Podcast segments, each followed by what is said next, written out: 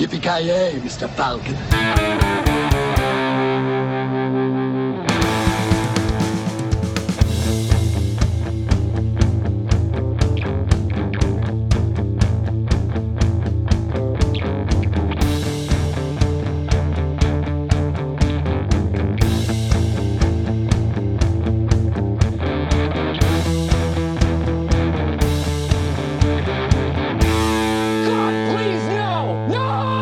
Tjena kära lyssnare! Välkomna till Filmsmakarna. Mitt namn är Joakim Granström. I vanlig ordning så har jag med mig från Luleå Joakim Avoya.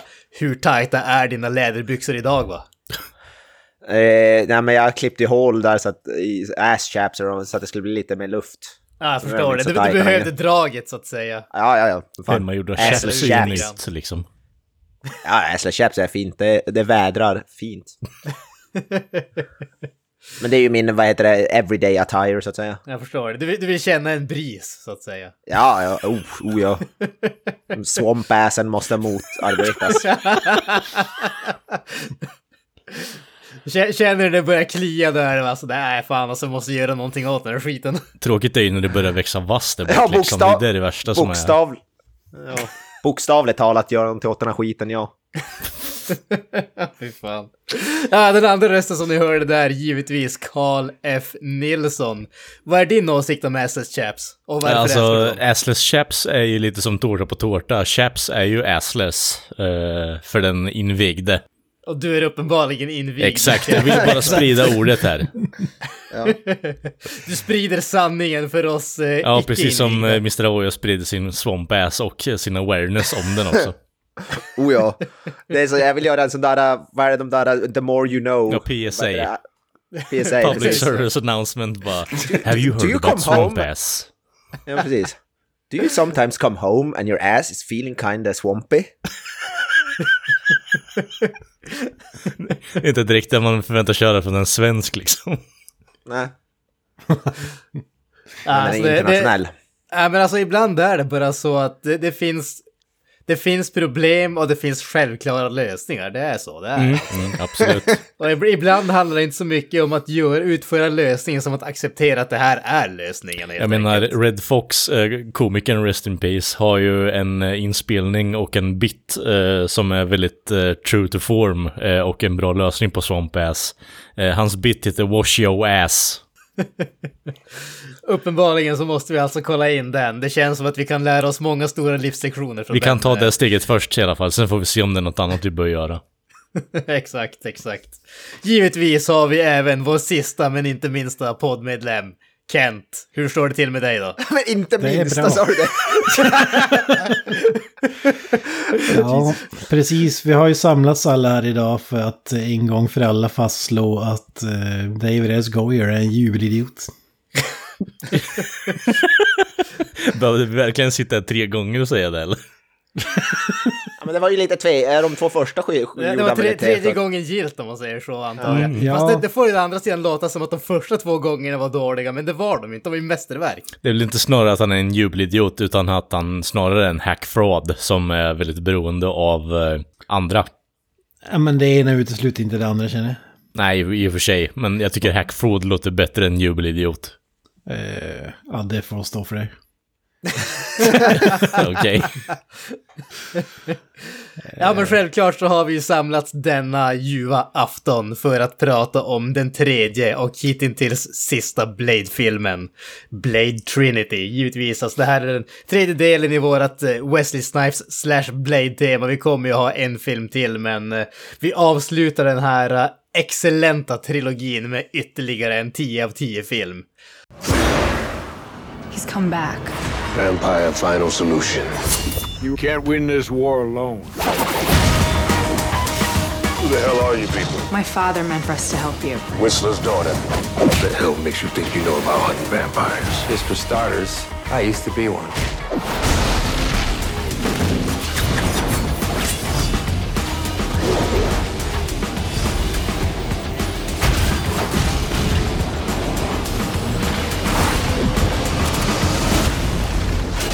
Blade Trinity. There's nothing stopping them now. There's me.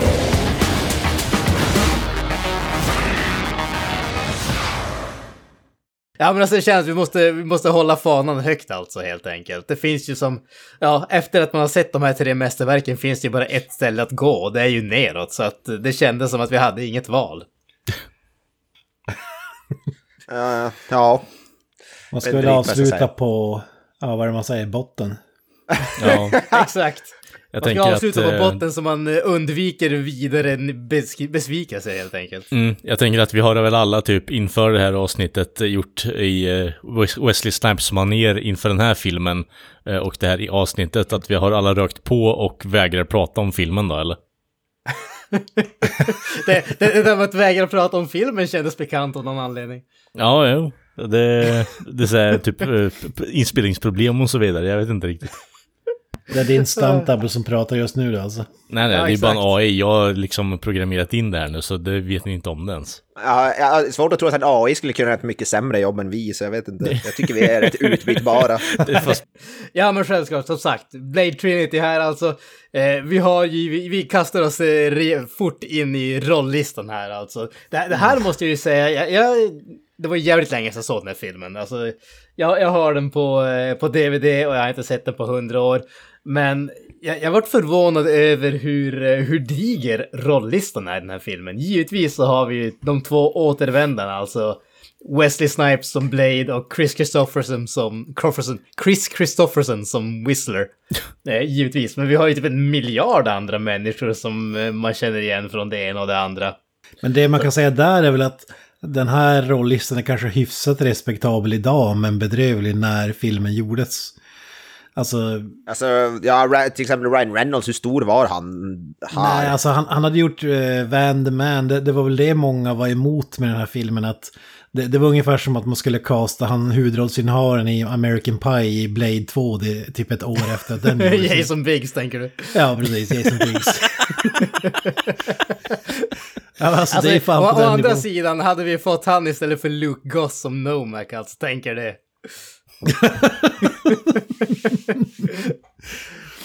Ja, men det, alltså, så idag känns ju Ryan Reynolds som typ ett bra val med tanke på Deadpool och allt han har gjort. Men d- där och då var det ju ramaskri, alltså. För att han var ju en oseriös eh, tonårskomedi-snubbe. Look at you. You're kids. You're not ready to roll with this. I mean, look at the way you dressed. But that's supposed to be tactical? What is this? What is that? Suck you. It's a joke, huh?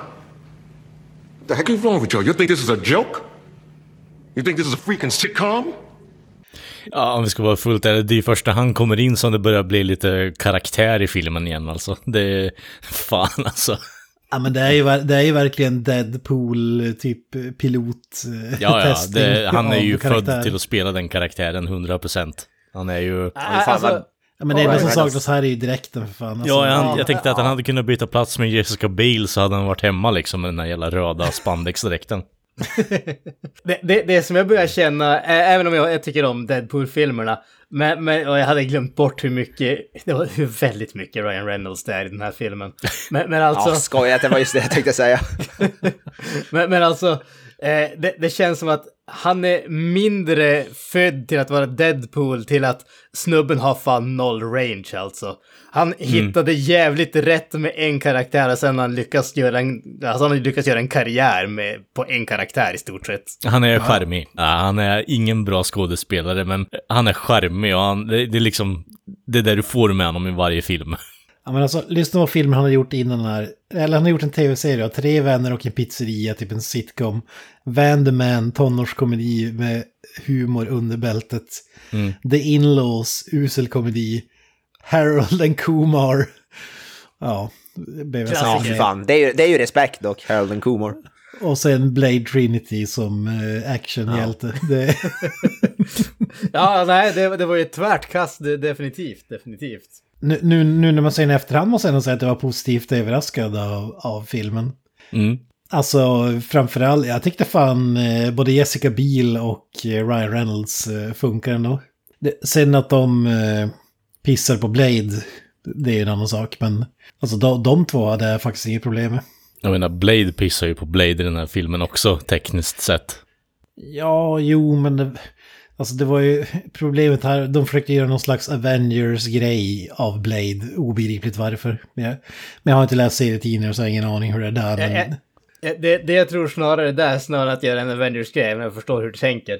Jag tror grejen här var att, som de själva har sagt, det här var ju i stort sett en så här backdoor pilot till att göra en Night Stalker filmserie. Alltså, det, det, för, för de som inte känner till det, alltså där är det liksom en tv-serie som ofta är liksom long running och de vill ha liksom en spin-off så gör de ju ofta ett pilotavsnitt där det helt plötsligt kommer in en massa nya karaktärer som har väldigt mycket större roll än de gamla karaktärerna och tanken där är att om de där blir populära så, så gör man en spin-off med de karaktärerna istället.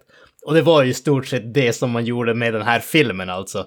Just det där att, eh, ja okej, Blade är typ en sidokaraktär i sin egen film och det är ju för att jag tror att de ville ha en spin-off men de ville inte vara låsta till Wesley Snipes specifikt för att som sagt, vi kommer väl till det sen, men han hade lite, det- var lite strul bakom kulissen om vi säger så. Men, men ändå, jag tänker alltså. Blade 2 supersuccé box office-mässigt och så vidare. Borde man ändå inte svälja, alltså svälja det pillet och satsa på att göra typ Blade 4, 5 och 6 istället? Eh, eller alltså, kan du försöka få mig att förstå hur de tänkte? För, för att, att Wesley Snipes började trotsa, det var ju först under inspelningen här, för att han inte godkände manus och eh, regissör och så vidare. Fast det, det som man har sagt där, nu vet jag än en gång, det, jag vet ju inte hur, eh, hur väl det här stämmer. Eh, Men det som han har sagt, det var alltså, precis som du säger, Snipes han vart ju jävligt eh, sur. För han, det, det är här, det var ju för övrigt därför som han började stämma dem också. Han hade ju alltså inte bara en skådisroll, utan han var ju även producent för filmen. Eh, vilket då innebar att han hade vissa lite say-so när det kom till val av regissör, när det kom till manus, när det kom till de som castades i andra roller och sådana saker. Eh, och det som han själv har sagt, det var ju i stort sett att han hade ingenting att säga till om när det kom till regissören. Han liksom fick veta att det var Goyer som skulle regissera filmen typ några veckor innan de skulle börja. Han hade inget say-so när det kom till, vad heter det, vilka andra som blev castade i stort sett. Och att de typ skrev om filmen medan de spelade in den. Så som jag förstår det så är det, så blev den mindre och mindre Blade under tiden som de gjorde filmen så att säga. Och huruvida det är sant eller inte, det vågar jag inte, det ska jag inte uttala mig om. Men, men på så sätt kan jag ju förstå att eh, liksom Goyer då som tänker att ja men fasiken han har skrivit alla de här tre filmerna, nu får han äntligen regissera, nu har han liksom, han har makten ungefär, han kan göra vad fan han vill. Samtidigt som du har Blade som spelar Wesley som spelar, den här ikoniska karaktären som känner liksom att ja men fan det är jag som har byggt upp det här. Det är ju, f- folk associerar ju allting här med mig och liksom känner sig åsidosatt. Och jag tänker nog att ur den synpunkten så tror jag att med tanke på, hur, även om jag inte tycker om honom på så sätt, men hur mycket Goyer har gjort, alltså sett till att han har skrivit allting, han har hållit på att producera och han har liksom, han är bakom kulisserna så är det han som har makten. Det är lättare att liksom, eh, för han att åsidosätta, sni- åsidosätta Snipes än tvärtom, tror jag. Alltså så kanske det är, men jag menar, när jag tänker Blade, jag tänker ju inte Jessica Biel med en lightsaber. Jag tänker ju Wesley Snipes. Nej, eh, Den konstigaste lightsaber någonsin, typ en... Ser ut som en pilbåge. Det ser ut som en Ja, en pilbåge, eh, men... typ uh, hacksaw eh, med ljus i stort sett. Men det, ja, det ser ut som, hon har en, det är förvirrande för att hon har en pilbåge och så har hon det här vapnet som ser ut som en pilbåge fast med en lightsaber istället för en tråd som skjuter pilarna. Man trodde först att de skulle skjuta någon jävla typ uh, ljuspil eller någonting. Jag trodde, jag trodde också det faktiskt. Ja, men alltså, gre- grejen här med den där, med den där mojängen, det är ju att det finns bokstavligt talat bara en enda ursäkt att använda den. Och det är ju när exakt det som händer i filmen händer. Annars så är det bara en sån där grej som fyller noll funktion. Alltså det, det är liksom, den kräver att du står liksom ansikte mot ansikte med den du ska döda. Det finns, det finns liksom inget annat sätt att använda den här saken. Varför skulle du göra den här saken om du inte förutsätter att hon tabbar sig? Alltså, Det, det, det, här, det här, alltså den här grejen är ju ett typexempel på egentligen väldigt mycket i den här filmen där man har tänkt att det här ser coolt ut men behöver förklara varför det är så här. Och så tänker man att nej, det behöver vi inte, det ser bara coolt ut och det räcker. Ja, det är ju väldigt häftiga Playstation 2-effekter när den vecklas ut och vecklas in också. Det, du, alltså det, det här var de bästa, de bästa effekterna som Playstation 2-generationen kunde åstadkomma. ja det är ju nästan så att man kan märka att uh, Wesley Snipes är på skärmen i alla fall också. Ja, ibland alltså, ibland. eh, ja, nåväl, vi, vi går vidare i våran castlista. Alltså, vi har ju Jessica Biel också som sagt. Jag, jag måste erkänna att bortsett från den här filmen och så var hon med i remaken av Total Recall med Colin, eh, Colin Farrell. Så måste jag säga att jag har jävligt dålig koll på hon. Hon är med i Texas Chainsaw Massacre remaken från 2003 också. Det, det är det är enda faktiskt- jag förknippar henne med förutom den här filmen faktiskt. Jag, Jag vet att hon har gjort massor snabbt. mer, men jag- Vad fan är det? Hitchcock var hon ju med i också. Eh, fast det är inte så jävla mycket. Hon typ... Nej. Men alltså hon har gjort jävligt mycket men just det är det enda jag förknippar med. Det är ju massa så här små grejer. Sen gjorde hon ju den här, eh, den här magikerfilmen som var en rip-off av Christopher Nolans. Eh, The Illusionist. Ja, The just det. Illusionist. visst är det Edward Norton, det med igen? Ja, Och precis. Paul Giamatti tror jag, om jag inte är helt ute och cyklar. Nu vet jag inte vilka som kom först men det känns som att det var typ en billigare version av typ samma film. Ja, ingen film sedan Christopher Nolan? 2017 i alla fall. För jag, jag vet Nej, att många ingen. förknippar henne med så här, eh, vad ska man säga, tonårskomediaktigt också. Men eftersom jag hade bara sett henne i Texas Chainsaw Massacre innan här i alla fall. Och där var hon ju eh, ganska badass ändå tycker jag. det är ju mycket, vad heter det, nipple shots i alla fall kan man ju lugnt säga.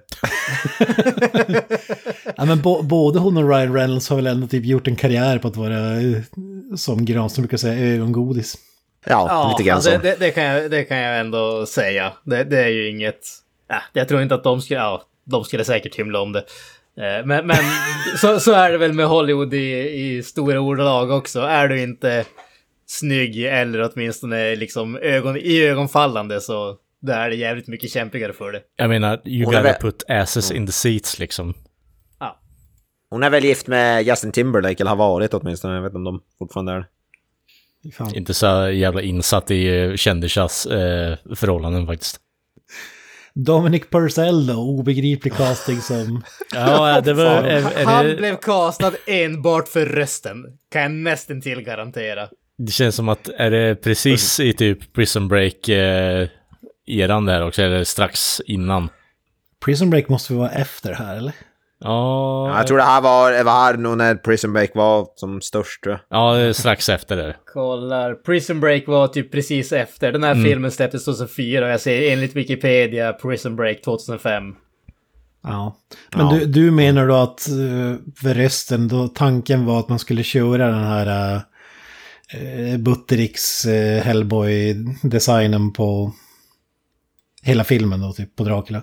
Inte Alltså, människoform. Ja, ja, jag misstänker det. Alltså för... Alltså om vi säger så här, om du ska ha liksom... Om du, om du ska ha urvampyren, du ska ha Dracula, liksom greven, den mest kända vampyren någonsin, den som var ursprunget, alfan, den första som skapades liksom. Ja. Och så... Du anställer Dominic Purcell som har en grym röst och ser ut att vara typ 15 år med babyansikte i den här filmen. Uh, nah. Jag, Alltså, det är roligt att gå in på hans, eh, vad heter det, IMDB, det är bara massa så B-action, så här direct DVD-film han har gjort förutom Prison Break. Det- är ganska roligt Han börjar ju filmkarriären med eh, Mission Impossible 2, det är ju ganska, s- det är credit i och för sig så. Ja, precis. Det dök tydligen upp i en kort roll i Equilibrium också med, eh, vad heter han, Christian Bale, en favoritfilm för mig också. Ja, där kommer Ja, jag inte ihåg honom alltså. Och Nej, dyker upp, eh, är dyker upp i Uwe Bolls In the name of the king, the last mission. Den tredje, den tredje In the name of the king. Ja, precis. Han, han, Han var- han båda, var båda Prison Break-snubbarna dök ju upp i The Flash-tv-serien Ja, precis. som de två skurkar som, eller de spelar väl brorsor eller vad fan det nu var. Nej, de, ja, är de brorsor eller är de bara, jag kommer inte ihåg. E- En, av- Mickey Rory som han heter, eh, Dominic Purcell, han har ju typ, eh, inte eldkraften, men typ eh, besatt av eld ungefär. Och den andra heter typ Captain Cold eller något sånt där. Han Ja, kan typ eh, frysa saker. Alltså jag ser Legends of Tomorrow fick, vad fan står det, var det 78 avsnitt? Ja, typ fem eller sex säsonger tror jag. Helvete vad sjukt. Alltså det, det, det skulle jag 97 ju säga. avsnitt eller Det ska jag säga att den serien är ju typ en av de bättre i uh, Arrowverse eller vad man ska kalla det. Bara för att det... För att prata om en helt annan grej här, men alltså de, de, den handlar egentligen om att de reser till olika tider och liksom och sådana grejer för att liksom lösa problem om man säger så. Det, det var ju typ den serien som tog sig minst seriöst. Det var ju det som gjorde att de, de, andra tar sig på blodigt allvar samtidigt som de liksom gör jättelöjliga saker, vilket bara gör att allting faller pladask. Den insåg åtminstone hur jävla löjligt allting var och tog det efter det, så att... Eh, Eh, nu har jag inte sett jättemycket av den, men jag har sett typ första säsongen i alla fall, så att... Tyckte den var bättre än de övriga, första eller andra säsongerna. Jag minns eh, faktiskt, på tal om Dominic Purcell, jag minns han, han hade en serie back in the day, inte, inte Prison Break, den hette John Doe tror jag, eller något sånt där. Han spelade någon snubbe med så här minnes, alltså som har tappat minnet och så löste han då fa- fall och bla bla bla, bla, bla. Han var så supersmart. Var Han var ganska- supersmart. Ja, alltså han var sån här super matte, eller alltså så deduction, Sherlock Holmes-aktig typ. Vem fan kom på att man skulle casta Dominic Purcell i den rollen? Ja, men det var faktiskt en rätt kul serie, kommer jag ihåg. Den var, den var på typ så här tidigt 2000-tal-ish, tror jag. Han, ja, 2002 till 2003. Okej, det blev bara 22 avsnitt tydligen, så det gick inte så bra för den serien. Du kan skylla på Men det var antingen def- Brandon Camp, Mimi Ledder eller Mike Thompson, Granis. I, om, vi, om vi i Blade 1 fick knock-off eh, Christian Slater i Steven Dorff så fick vi knock-off Daniel Craig i Callum Keith Rennie i den här filmen. jag tänkte fan, är, är Daniel Craig med i Blade Trinity? Jag bara, vad i helvete, fan vad lika de var. Med Ja, det där är Daniel Craig on crack, eh, kan man väl lugnt säga. Jag har ingen aning om snubben när man spelar en vampyrskurk i den här filmen. Nej, det är väl, eh, vad heter det? Eh, Ha, brorsan till... eh, Ja, det är väl Daniel Craig om hans karaktär i Layer Cake hade tagit för mycket knark liksom. Ja, fy fan. Tydligen med i Memento, ser jag. Fy fan, don't trust his lies. Butterfly Effect med uh, Ashton Kutcher. Oh, är Dominic Purcell med där?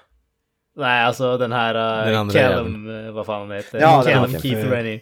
Ja, jag Daniel tänkte väl. Ja, jag, tänkte, jag, jag, skulle nog komma ihåg Dominic Purcell i Butterfly Effect. Ja, precis. Ja, men sen Butterfly så... Effect är bra. Den är väl helt okej faktiskt. Eh, Parker Posey måste, ju, måste man ju nämna. Eh, först och främst som jag tänker, hon är ju tv-skådis. Eh, hon är ju inte någon sån där liksom hol- stor eh, film i Hollywood-skådis direkt. Men, Nej, det eh, märker man i hon- film, eh, filmen också. Så.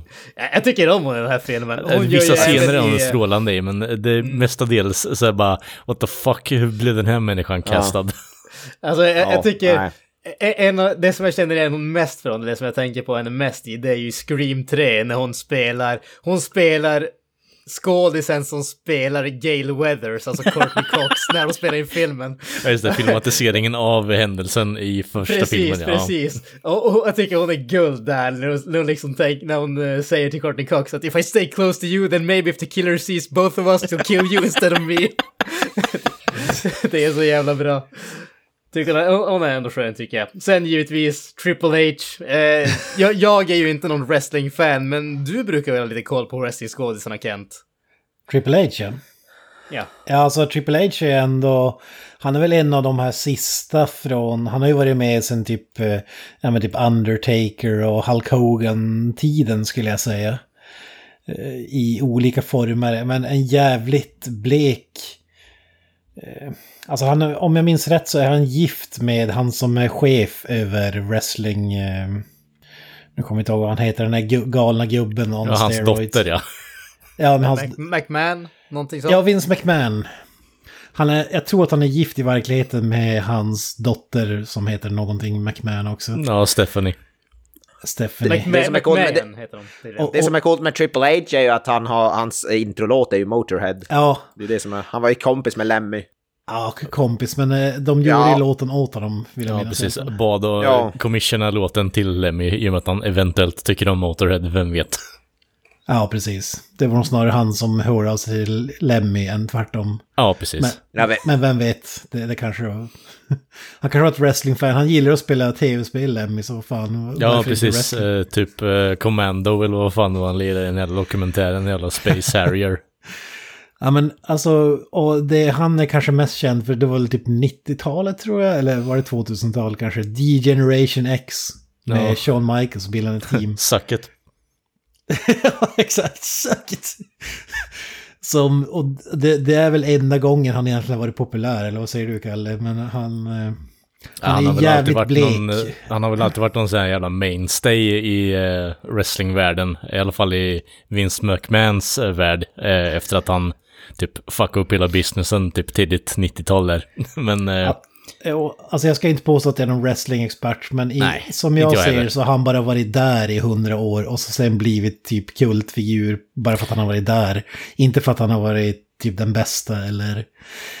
Eh, En grej han gjorde var ju någon, typ sån här, någon WrestleMania när de skulle släppa någon ny Terminator-film. Då kom ju han ut i någon slags Terminator-dräkt. Så- Kommer kommer jag ihåg, det var sjukt länge sedan.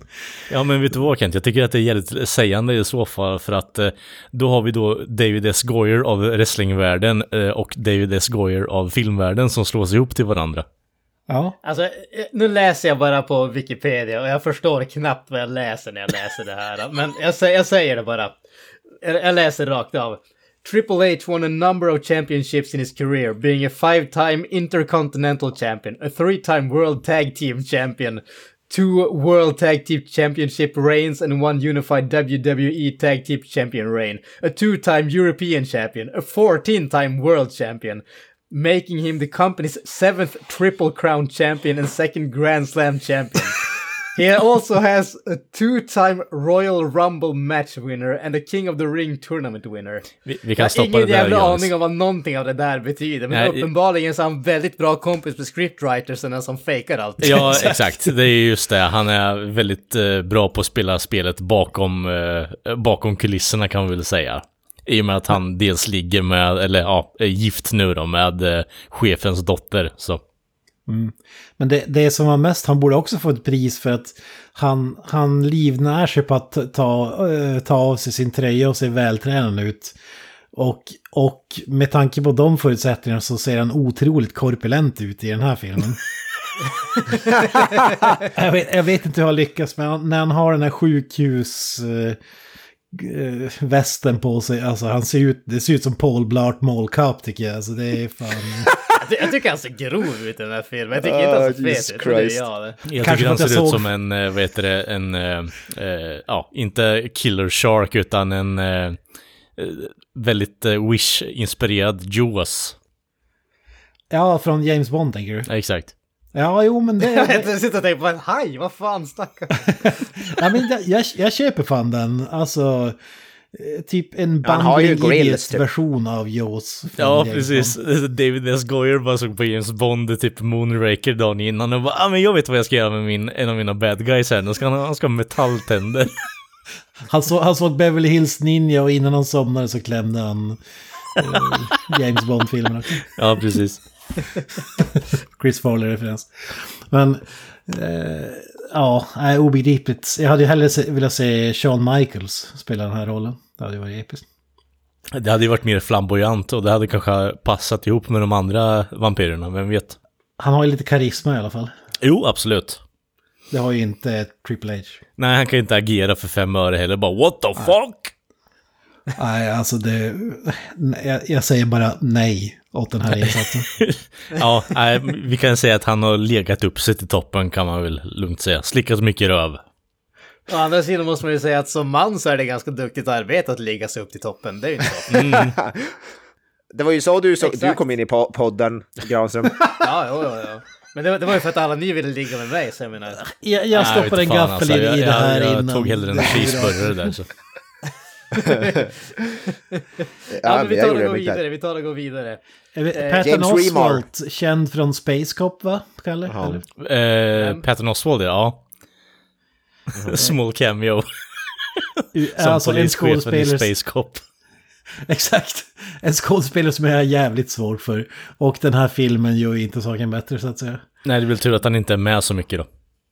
Nej. Sen vill jag bara nämna Kristoffer Heyerdahl. Eh, som kommer in i slutet här i någon mindre roll. Det är ju många sådana här typ eh, sido-stories som dras in och aldrig mer tas vid. Vi behöver Han- någon han- som kör bilen här. Exakt. Men, ha- han är väl mest känd från Hell on Wheels där han spelar karaktären The Swede. Mm. Han, eh, jag vill minnas att han är född i typ Kanada eller USA men hans farsa är kusin med eh, eh, äventyraren Heyerdahl. Vad fan han Ja, heter. Tor Heyerdahl. Tor Heyerdahl. Ja, och så lite skandinaviskt. Han får alltid spela typ norsk, svensk, dansk. Eh, skön eh, snubbe, måste jag ändå säga. Ja, Så man hör ändå på att han grejer, inte är därifrån så att säga. Ja, precis. Han har ju varit med i hundratals grejer. Alltså, Mhm. för mycket för att kunna räkna upp egentligen. Han är ju gammal som fan också. Mm, mm. Men eh, jag skulle tro på senare åren och det han förknippas med mest. Ja, det skulle Vi måste väl ändå, ändå ta upp uh, Raiden himself, James Remar. Ja. Nej, fan. Nu, nu, nu ska vi inte... Han är inte Raiden. Christopher Lambert kommer Ja, alltid men att vara Ray, James Raiden. Remar är också James Ray, Remar är knock-off Raiden. Alltså Exakt. James Ja- Remar James är, är är, skurken Ajax i och inget annat. Fuck off alltså. Kung. Dexter och så vidare. Han har bra, gjort bra grejer. Han är ju kung, Ja, James ja. Remar. Ja, Han är Fan, ju grymt bra. Jimmy, Eh, come out to play. Exakt. Exakt. I den, här I den här filmen är det typ, ja okej, när den börjar tänker man att han ska ha typ huvudrollen, men så sen glömmer man bort honom helt, så kommer han in i slutet, ja just det fan, James Remar och de här grabbarna är med också. But you're fucking up my arrest, fuck you! Bara, alltså, ja, ja, vi kommer väl in på det sen, men det är berättande form i sin sämsta... Ja, ja, det, Sitt det, det, anti-esse. Ja, det blir väl tydligt att David S. Goyer kanske ska fokusera på en sak och eh, låta de andra göra något annat. Ja han borde typ... ja, Den saken är ju. Han borde hjälpa Ja. Wesley Snipes med skattebetalningen och ingenting annat. Ja, nej, det är sant. precis. det, Är det någon mer this- som är värd att ta upp? I, eh, Ja, vi har ju från American Pie, Natasha Lyon är ju med också. Ja, precis. Spelar den här blinda. Sommerfeld.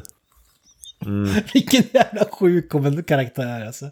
Det här alltså, vad är det Ja, man är ju lite nyfiken på, för det här är ju året innan hon blir inlagd på typ eh, behandlingshem för sin, ja, sina drogproblem och så vidare.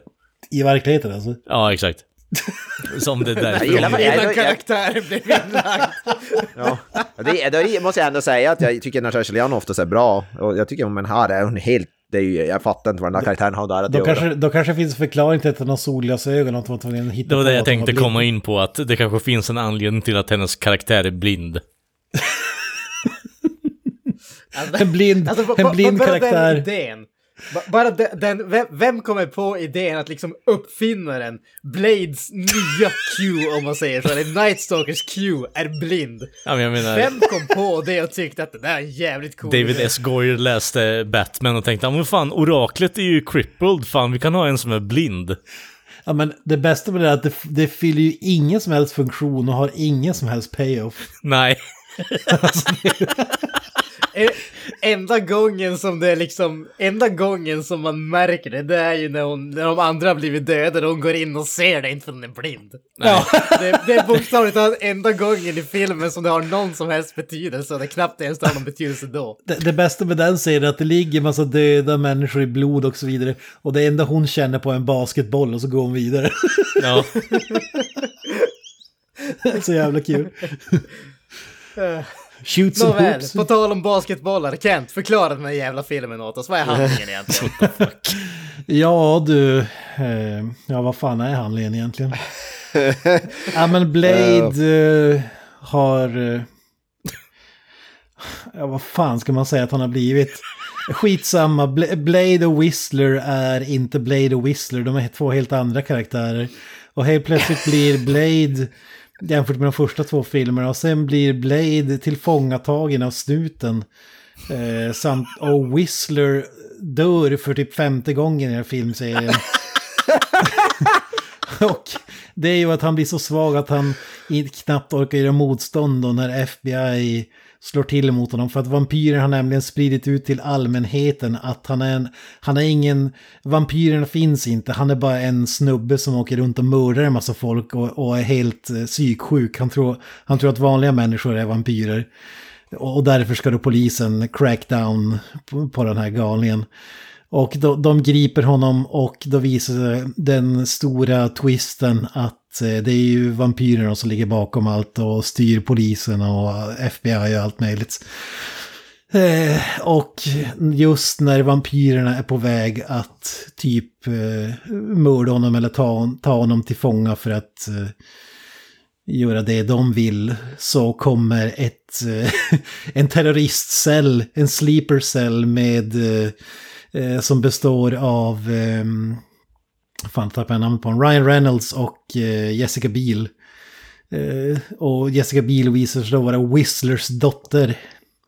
Eh, och de hjälper honom ut och sen får man då veta att eh, de har varit på spåren att vampyrerna är på väg att eh, återuppväcka eh, vampyrernas vampyr, Dracula himself. Eh, för att de ska, för att han ska typ eh, mörda Blade åt dem trots att de verkar kunna fånga honom hur lätt som helst på egen hand. Så behöver han ändå återuppväcka Dracula för att fixa biffen och eh, Ja, Dracula kommer tillbaka och visar sig vara en medelålders man som klär sig som Fabio i, och hänger i stan. Och eh, ja, Blade måste då bekämpa Dracula och eh, sprida en blind kvinnas eh, massförstörelsevapen som eh, ska ta koll på alla vampyrer i hela världen. Det är väl filmen. Ja, typiskt. Fy fan, jag tyckte att din, din, din beskrivning var bättre än filmen i sig tyckte jag. ja. Det är svårt Alltså- att ta den här kort, måste jag säga. Ja, Ja, det är ju en komplicerad film. Uppenbarligen. Det är, Ja, men- det är inte mer att det är komplicerad, den är bara ologisk så in hel och spretar åt alla håll. Det är, Den är ostrukturerad. ja, precis. Ja, men, ja, men alltså gre grejen här, det är ju att det finns egentligen, nu, nu som sagt, jag, jag har ju, jag är ett extremt fan av de två första filmerna. Eh, så jag har väldigt mycket, vad ska man kalla det, jag, jag, har, jag tror att jag har mycket mer förlåtelse i mig när det kommer till den här filmen än eh, vad liksom gemene man skulle ha. Men jag tycker egentligen att det finns, alltså den här filmen har ju två stycken, enligt mig, egentligen helt okej handlingar. Det är ju dels polisbiten, alltså du har Blade som slåss mot vampyrerna samtidigt som poliserna börjar liksom söka efter han därför att han har tydligen dödat några stycken, råkat döda några stycken som inte är vampyrer i förbi, förbifarten. De tror att han är liksom, eh, liksom ett mentalstörd galning i stort sett. Och sen har du vampyrerna som upp, som hittar och återuppväcker Dracula. Båda de grejerna tycker jag egentligen är helt okej. Det Ja, dumma som de har med. gjort i den här filmen är att de har satt ihop båda två i en och samma film, men grejerna kopplas egentligen aldrig ihop. Det finns liksom ingen så här tydlig koppling om Alltså, man kopplar aldrig ihop de två handlingarna och det finns ingen tydlig liksom, förflytande, okej, varför går vi från vissa saker i den ena handlingen till andra saker i den andra handlingen? Utan det som händer är att den börjar med polisbiten och sen glöms det bort. Ja. Och sen får vi Dracula-biten fram till typ sista fem minuterna. Då dyker, dyker liksom polisbiten upp Ja. alldeles till slutet och fyller ingen som helst funktion. Nej, nej Det- det vi, ska, liksom- vi ska vara fullt ärliga. Poliserna dyker upp i slutet och Ja. eh, grejen blir inte sammanknuten för fem öre. Så Nej. det enda som de gör är att de eh, får in polisgrejen som någon form av invävning in till Dracula-grejen och sen så skiter de och knyter ihop den första biten de har skapat. Ja, men alltså de, de, de gjorde det som, liksom, de bokändade filmen med polisen ungefär. Men liksom om du tänker om en bok som du har liksom en, en så här uh, intro och sånt där som handlar om någonting annat, så det brukar ju liksom tematiskt fylla en funktion. Antingen för att bygga upp världen eller liksom, in, liksom uppväcka trådar som man ska tänka på som sen tar det igenom i resten av filmen, eller resten av boken, och sen så knyts det ihop i slutet. Den här får du ju inte. Du har scenerna i början och sen har du scenerna i slutet och däremellan så liksom har det ingen som helst betydelse. Det, det är ju liksom det största problemet för mig kan jag tycka i den här filmen. Bortsett från all jävla dålig humor som vi får av Ryan Reynolds och taskigt skådespeleri. Den som kom på, vilket givetvis det var David Goyer, den som kom på att typ i stort sett hela den här jävla filmen skulle utspelas i dagsljus. Varför? Va? Vad fan tänkte du? Alltså, Alltså jag, jag vill bara inflika där att jag tycker att det här med polisgrejen den är helt efterbliven och funkar inte alls i en Blade-film. Alltså det hade aldrig gått. Alltså då, då, då, det hade man kunnat göra i första filmen kanske. Man kan Ja, inte göra det i film tre. Alltså här är ju Blade härjat runt och dödat. Han säger ju själv typ jag har mördat 1182 personer. Fan, Alltså, är det först nu när han har dödat tusen pers? Ja, ah, det, det kanske har försvunnit lite folk här i... Ja, vilken stad vi nu är i. alltså, den är så jävla efterbliven. Och sen när de sitter på det Fox News-programmet och där är någon professor som säger typ att ja men den här, de, de pratar ungefär som att Blade har gått ut eh, och uttalat sig i Aftonbladet ungefär och sagt att ja men vampyrer, ni måste se upp med vampyrerna, domedagen är här. Jag jobbar med att mörda dem, ni borde joina mig. I'll kill him, I'll kill him again. Exakt. Alltså det är typ motsatt, som att han skulle spela in en sån här bin Laden-video ungefär och spridit Jävla live leaks. Alltså hans, hela hans grej är att han håller sig dold i skuggorna och all, alltså som Batman och sådär aldrig syns. Alltså det är så jävla sjukt. Ja men, ja, men det, det, det, kan jag ju, det, det kan jag förstå och tänka, men där kan jag ju tycka just att grejen att han har, han är tabbat sig, han är ju mänsklig, så att säga. På, alltså, det, jag har egentligen inga problem med den, den, den aspekten. Det, alltså Drak, filmen- Dracula i tredje filmen, det tycker jag är en cool idé ändå. Alltså Ja. inte i det här utförandet, Ja, men... nej, nej, definitivt inte det här utförandet. Dracula känns ju som givet att han skulle vara med, men det är bara att de valde att casta den kanske, ja, sämsta Dracula som, som Ja, filmhistorien ja, någonsin har alltså, en av de skådat. Dracula, ja. Alltså, jag, när jag tänker Dracula, jag tänker inte typ en synk. Jag, jag tänker... nej, nej, nej, nej, men det är ju lite, alltså, tyvärr, eh, barn av vår tid i det här fallet då, med tanke på att det var looken som var cool eh, back in the early aughts. Sen har han ju ingen nack, han är, Dominic Purcell har ju ingen nacke heller, han ser ut som att han har bara axlar och direkt... Jag tänker mig Draga, tänker jag mig någon sån här graciös som är så charmig och typ, alltså typ så Bela Lugosi eller något sånt där. det, det här är så typ långt ifrån skinny den. kanske. Istället för att ha Ja, ja, jävla typ bufflig jävla bouncer som kommer ut, Ja. baskat Jag vet och... inte riktigt.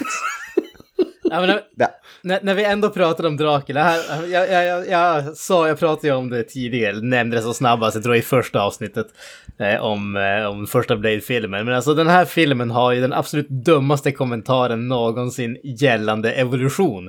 Och det kan vi ta därför att det är ju, det är ju Ryan Reynolds som säger det liksom, eh, när han pratar om Dracula. Eh, där han säger This guy was born perfect. He's never had to evolve. Och jag tänkte bara att Alltså det där är inte hur evolution fungerar.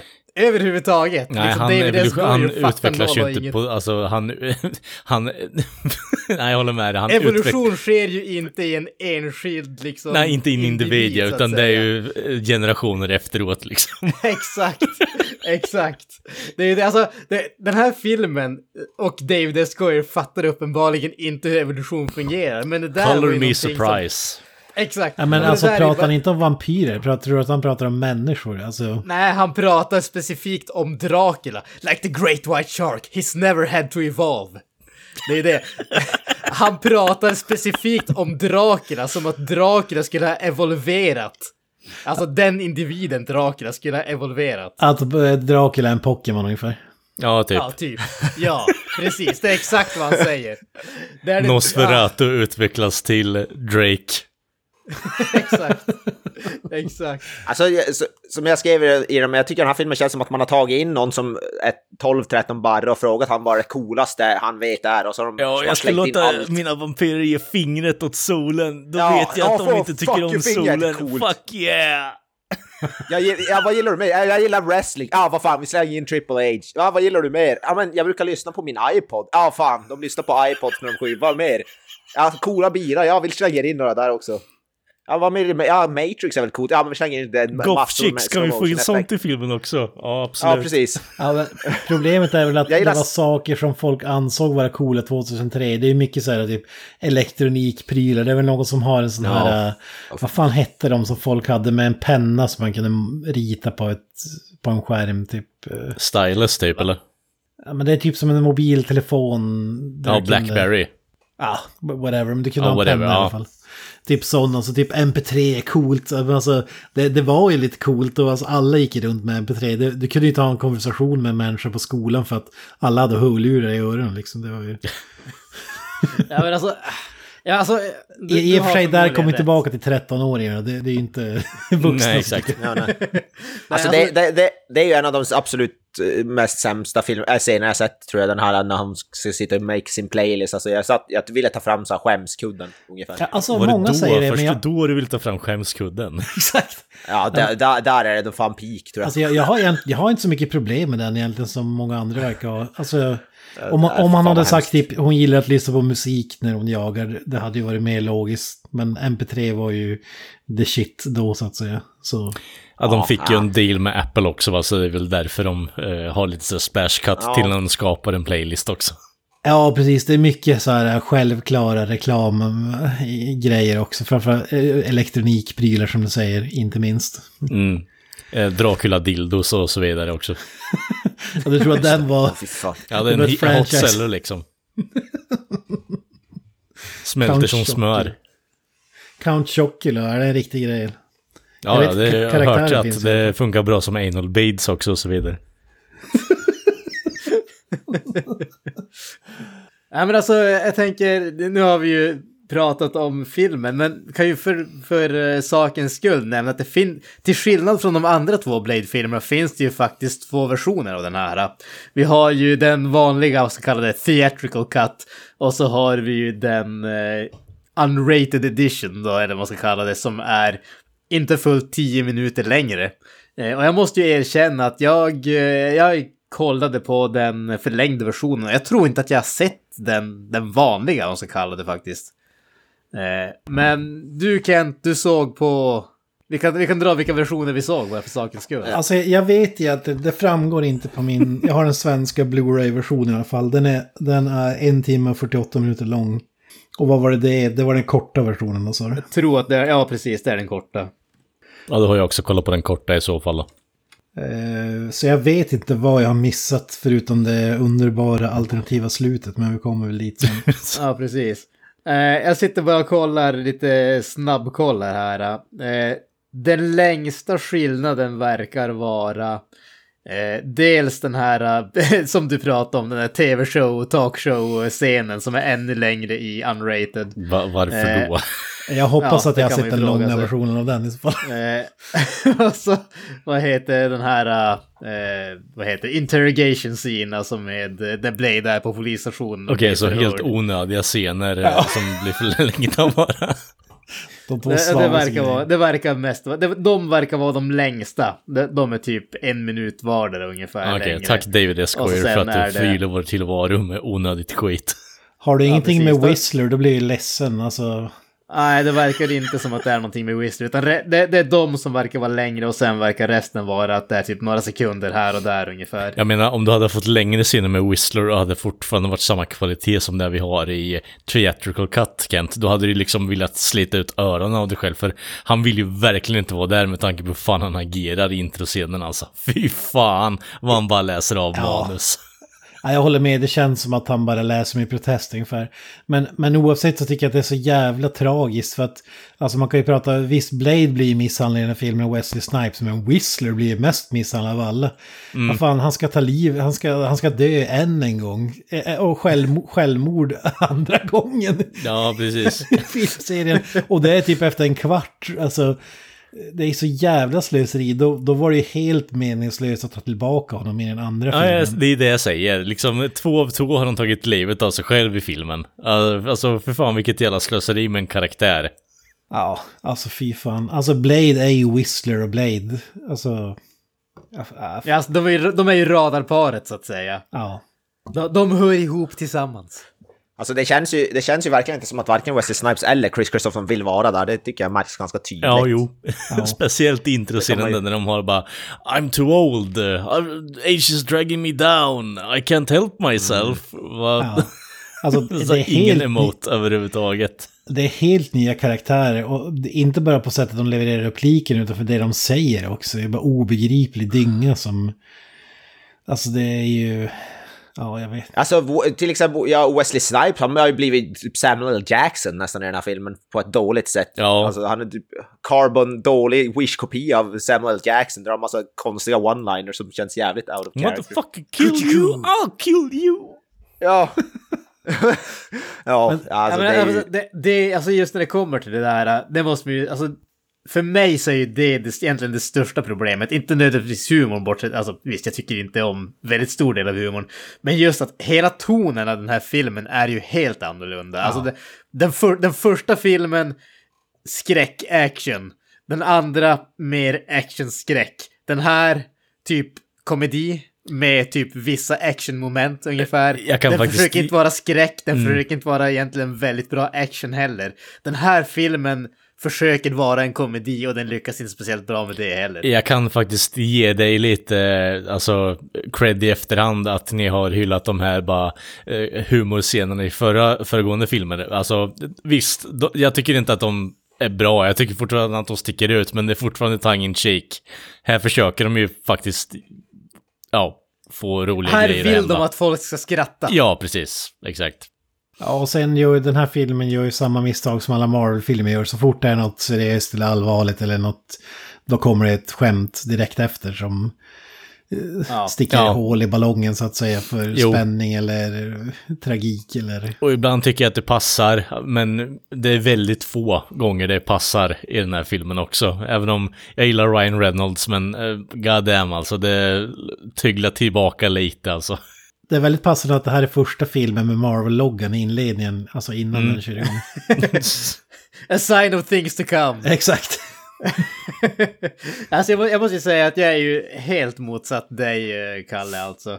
Eh, jag, jag i vanliga fall brukar faktiskt tycka om Ryan Reynolds och i den här rollen av någon, trots att han spelar exakt samma roll som han alltid gör, så tyckte jag att alltså, han var så jävla irriterande. Men det är bara för att det, jag tror bara att det är för, för att det är Blade, eh, liksom franchiset som han är inne nu, som du har den tankegången faktiskt. Det, det, alltså det, kan, det kan mycket väl vara det. Alltså bara just det här att ja, men, hans ständiga humor känns så ohyggligt påtvingande. Alltså det, det är liksom, det, den, nå- någon enstaka sån där one-liner kan vara kul om det används rätt. Ja. Om det blir liksom en sån här, du, du har fått en sån där liksom fet actionscen eller någonting åt det hållet. Du behöver någonting för att lätta upp stämningen. Men här, här är det, det är så mycket och så konstant så jag blir bara trött på det. Alltså, Jag jag måste säga att jag, jag håller med Granström, för jag brukar också gilla Ryan Reynolds, men han, det funkar ju inte alls i den här filmen. Alltså varenda line han säger är ju en sån där typisk Ryan Reynolds-line som Mm. taget från Deadpool, bara att han pratar som i såna lines i den här filmen. Ja, exakt. Och jag vet inte, är det någon som tänkte på det, men det är jävligt många scener här när de, när de har någon titel på någonting, bara oh this is this, we call it the exterminator, oh okej, okay we call ourselves the night stalkers, oh look at that, we call that the, the bla bla bla. Jag, fan vad jag garvade åt det. Ja, jo, var alltså det, det är väldigt eh, Ja, försöka bygga upp någon värld som de inte ens ger, eh, Ja, det är så de ger jävla ingen cringe. substans till överhuvudtaget. De bara Nej. spyr ut massa, Ja. alltså termer. Och, ja, jag kan hålla med om Ja, att det är riktigt det var så jävla komiskt. När, när, det? när Ryan Reynolds drar fram Blade-serietidningen så blir det ju... Ja. Jo, Det, det, alltså de gör ju samma misstag som Marvel gör än idag. Att det är ju bara som ni har sagt tidigare att för att sätta upp den här uh, spin-off-filmen som all, ironiskt nog aldrig blev av. Men man, man lägger allt krutet på det. Alltså vad fan. Alltså det, det fattar inte med Disney heller. Alltså gör den här filmen så intressant att vi, att vi vill ha mer. Skit i att försöka slänga ut 20 plotlines eller grejer som vi kan ta vidare sen som vi vill se. Alltså, jag Jag- knyter jag ihop förstår din egen inte- jävla film. Hur fan hur svårt ska det vara egentligen? men jag förstår inte tillvägagångssättet. Alltså, Nej. alltså We have to make money. ja men, j- ma- ma- maker du money när ditt superfranchise läggs ner och eh, spin-off-filmen aldrig blir av och ingen vill Jag menar, av. den drog in 132 miljoner. Ja. Visst, på en budget av 65 miljoner. Jo, men det är ju fortfarande plus. Jo, jo, men inte mycket. Men jag Nej, tänk, nej, tänk men att plus. Det, det, det ska in dubbla, du ska in dubbla, vad heter det? Dubbla budgeten för att eh, gå jämnt ut så att säga i Mm. slutändan. Generellt sett. Så jag menar, det är inte så jävla mycket plus. Alltså, som jag pratade om tidigare, jag gick in med det här med helt rent, eh, alltså blankt papper i princip. Alltså för att jag såg den här filmen när den var ny, jag minns typ ingenting av den. När jag ser den nu så minns jag vissa grejer eh, som inte är de bästa grejerna och som man kommer ihåg. Men jag ska ändå säga att jag blev positivt överraskad. Alltså, sk- skurkarna är ju de absolut sämsta. Alltså, vi, vi kritiserar Steven Dorff lite, men det här, det är ju löj- alltså han fra- framstår som Darth Vader i jämförelse med det här gänget. Ja, jo, absolut. Men jag tycker att de goda ändå funkar, trots att Wesley Snipes blir puttad åt sidan och typ inte får göra någonting, så tycker jag ändå de funkar. Jag, jag, har, jag har ju faktiskt inga stora problem med Ryan Reynolds i den här filmen. Alltså, det är inte så att jag sitter och garvar åt skämten, men alltså, för mig är ju det här typ Deadpool-filmerna. Jag är ju inget superfan av dem, men jag tycker ändå att de var helt okej. Alltså det är lite samma här. Eh, Alltså, alla, alla de grejerna, förutom att... Och alltså, hade den här filmen inte varit en Blade-film, utan typ Dracula 4000 Trinity, då hade jag ändå tyckt att det var en helt okej sån här vampyr-action-rulle som... Alltså, jag hade kanske inte tyckt att det var världens bästa film eller något, men... Alltså man har ju problem med det för att den pissar på allt som Blade och Wesley Snipes och Chris Christopherson har byggt upp i, i två filmer. Men alltså, i övrigt tycker jag ändå att den är faktiskt helt eh, OK. Eh, Alltså som säger B, B-vampyr-action-rulle som, som var populärt back in the days. En klassisk söndagsfilm typ.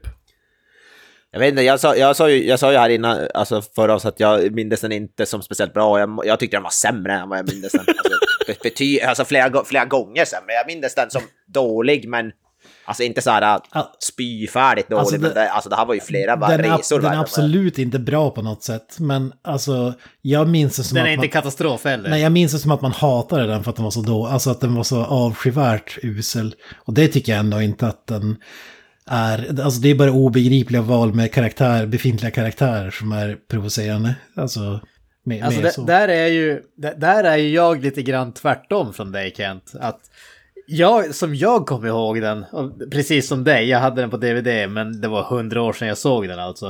Eh, så jag kommer ihåg att jag men, tyckte den var ändå rätt bra, jag förstod inte varför alla hatade den. Och för mig så som sagt, det, det är typ tvärtom. Jag tyckte att den här var betydligt sämre än vad jag tyckte att den var eh, förut. Och, men, men precis som du säger, jag tror att du, du slår ju huvudet helt rätt, eh, slår huvudet på spiken när du säger att just det här Problemet är ju att det är en Blade-film. Det, det är liksom, det, dels för att jag älskar de två första Blade-filmerna och tycker att det är två av de bästa actionfilmerna som någonsin har gjorts. Men sen också bara på att på grund av typerna av film som det var så har man förväntningar. Och den här filmen, den är någonting helt annat. Det, det är bara så det är. Det här är inte en Blade-film. Det, det, är, det, det här är sitt eget djur om man säger så. Och precis som du säger, hade det här inte varit en Blade-film, hade det varit alla grejerna som var exakt samma, men karaktären Blade hade varit någon annan karaktär som heter Joe Johnson eller någonting åt det hållet. Då, liksom, då hade jag förmodligen varit som dig, då hade jag tyckt att det var en medioker men halvt och halvvärst underhållande vampyrfilm. Nu är det en uppföljare till två av de bästa actionfilmerna någonsin och det gör att den här filmen känns katastrofalt dålig. Jag kan inte jämföra den med Dracula 2000 tycker jag är rätt bra, fast jag tycker Dracula 2000 är bättre. Den är mer charmig än, än, den här, än den här, måste jag säga. Jag föredrar Gerard Butler som vad heter det, vampyren än, än Dominic Purcell alla dagar i veckan. Ja men alltså ha- hade det inte varit en Blade-film hade man ju glömt bort att den här existerar. Det är typ mer så skulle jag säga, än så här provocerande usel film. Eh, Ja, men eh, ja, det, det är bara det jag ville säga. I inledningen här låter det som att jag är supernegativ, men det är ju det är bara för att jag är kopplad till Blade som du säger Granström. Alltså, det är det jag har störst problem med. Och Ja, men skurkarna alltså, som jag- är... Ta mig fan, alltså det måste vara de sämsta skurkarna som vi har sett på i- i film. Jag tänkte säga en seriös film, men det är ingen seriös film. Men alltså i, i alla fall i... Alltså tänk dig att de här skulle dyka upp i Dark Knight Rises till exempel. Det är, det är typ så som att eh, den trilogin skulle avslutas med det. Alltså... Ja men alltså, de, de här skurkarna, jag, jag, tycker, jag tycker ändå om åtminstone Parker Posey tycker jag. Men, men alltså de här skurkarna är ju i det närmaste Power Rangers-skurkar. Det är ju det. Ja, ja exakt. exakt. De, de, de är ju Ja, liksom... alltså, de- jag kan de- hålla de med har- om viss punkt att de här skurkarna är bra, men det är ju bara en scen och det är ju när Reynolds blir torterad och de dör in den här lilla tjejen Zoe liksom och viskar i att eh, vi ska ja, förvandlar om till en vampyr igen och så när törsten blir för mycket då kommer du ge dig på henne istället. Vad tycker du om det? Alltså det tycker jag ändå är en jävligt stark och bra utförd scen. Men eh, annars än det så är det ju som du säger, det är ju... Jag vet inte vad fan skurken i Power Rangers heter, men det är ju bara I'll get you next time, aha! Det är liksom på den jävla cheese-nivån är det. Rita Repulsa heter Ja, tack, tack, Rita, tack. Ja, precis. Ja, alltså den... Alltså hon som ska vara the big bad boss förutom Dracula är ju filmens absolut största svaghet skulle jag säga. Herrejävlar. Alltså, bo- Nej, det är jag som tycker om honom. alltså, nej för fan. Det är den, Hon kan inte skådespela sämsta- över en skolåda för fan. Nej, Ja, ja, men, sämsta här Parker Posey? Ja, det är Parker ännu Posey, hon som är karaktär. Åh, herregud. vi- eh, vad heter det, vitsminkad och så vidare och typ drämmer bo- handen i bordet och eh, roundhouse kickar någon vid bordet när hon är förbannad. Det är någonting med hennes minspel som jag har konst... Alltså, Ja, det, jag, vet, jag har svårt att off. förklara. Någonting känns jävligt Det är off. någonting med... Ja, det är som att hon är typ dubbad på något sätt. Hon- Ja, det är svårt att förklara. Ja, det vet kanske är därför Rita någon- Repulsa kommer till mind då. Men det är, det är som att det är en robot som någon styr, men alltså någon, någon har spillt kaffe på kontrollen, alltså de går bananas i, så hennes ansikte... Ja, alltså hennes käke rör sig typ upp och ner som en robot sådär. Det, det, Det är det alltså, första tillfället vi har sett AI i skådespelarna nu. det är så jävla... Vad Ja, fan var det alltså? Där tycker jag fan Ryan Reynolds säger det jävligt kul bara. Your hairdo is weird. Den är jävligt weird. Alltså i slutet när hon ligger där i trappen och säger ge upp, ge upp Hannibal King, ge upp Hannibal King. Alltså det är bottennappet i filmhistorien skulle jag säga. Det är Ja, så jo, jävla ja. men dåligt. jag måste ändå säga att tortyrserien där med Ryan, det tycker jag var småkul där och kanske fnissade jag åt någon line där han sa att han har typ en vad heter, sändare i sin left ass cheek eller vad det. Det tycker jag var småkul. Men, ja. Så där du säger att Blade Trinity har gett in eh, falsvinkel till eh, Casino Royale alltså. Ja, ja, precis. Alltså jag, tycker, jag tycker, förutom i den deletade alternativa slutscenen så tycker jag att eh, Ryan Reynolds bästa skämt är eh, när han, säger, när han säger till Blade att de funderar så här Yeah, typ när alla vampyrer är mördare, har du funderat på vad du ska göra då Blade? Jag menar jag har ju svårt att säga att du skulle träna karate här nere på dojon eller vad fan det är. Ja, på Men- KFUn. Ja, alltså, han säger, Han, och han, han säger han säger karate. ja, det är I hur don't han see you säger det som jag teaching- tycker är. Karate, why? I don't, yeah, I don't see you Dra, dra, det igen, karate. dra det igen. I, ja, vad fan säger I don't see you teaching karate at the Y. Ja. det var faktiskt jävligt kul. Som att, som att det Jag tror- största problem. Nu är arbetslös när alla vampyrer. Och att han ska vara karatetränare. Alltså som sagt, Ryan Johansson har få lines som ändå är småkul, men det är bara att han drar alldeles för många för ofta. Och då blir det för Jag hade det varit blivit spacet lite bättre och alltså, det hade Ja. gett lite mer punch till kommentarerna också. Ha- Hans karaktär är ju ändå ganska stark på det sättet att han har varit en, eh, alltså, före detta pet till vampyrerna. Eh, och Ja, han, den premissen är ju ändå rätt smart. Ja, alltså det, det, det är en stark karaktär, men återigen, David Goyer vet inte vad fan han håller på med, så han slänger ju bara in massa skämt på tal, alltså på tal om ingenting. Alltså, jag fattar att karaktären kanske skämtar sig igenom för att komma bort från sorgen liksom, eller vad fan är det man nu ska klassa det som. Alltså det är ju säkert inte kul att vara någon jävla typ zombieslav till vampyrer direkt, så jag fattar ju varför han skämtar bort det istället, men det blir ju, som ni säger, det blir för mycket ibland. Jag, vet, jag vet inte om vi har nämnt också, han har ju ett underbart namn i filmen, Ryan Reynolds. Hannibal King. Ja, det, det, är fan ett, det är fan ett bra namn tycker jag ändå. Ja, Det ja passar. det, det har jag inget problem med. Men alltså, jag, jag tror ju med att han har fått improvisera hur mycket han vill och så sen när David S. Goyer inte gärna noga inser att det här är för mycket. Alltså, vi Ja, så kan allt. det ju faktiskt vara. Eller Alltså, typ jag- jag Wesley att Snipes, Wesley Snipes vägrar kliva ut ur sin trailer och vi behöver fylla en halvtimme till. Ja, så kan det ju faktiskt också vara.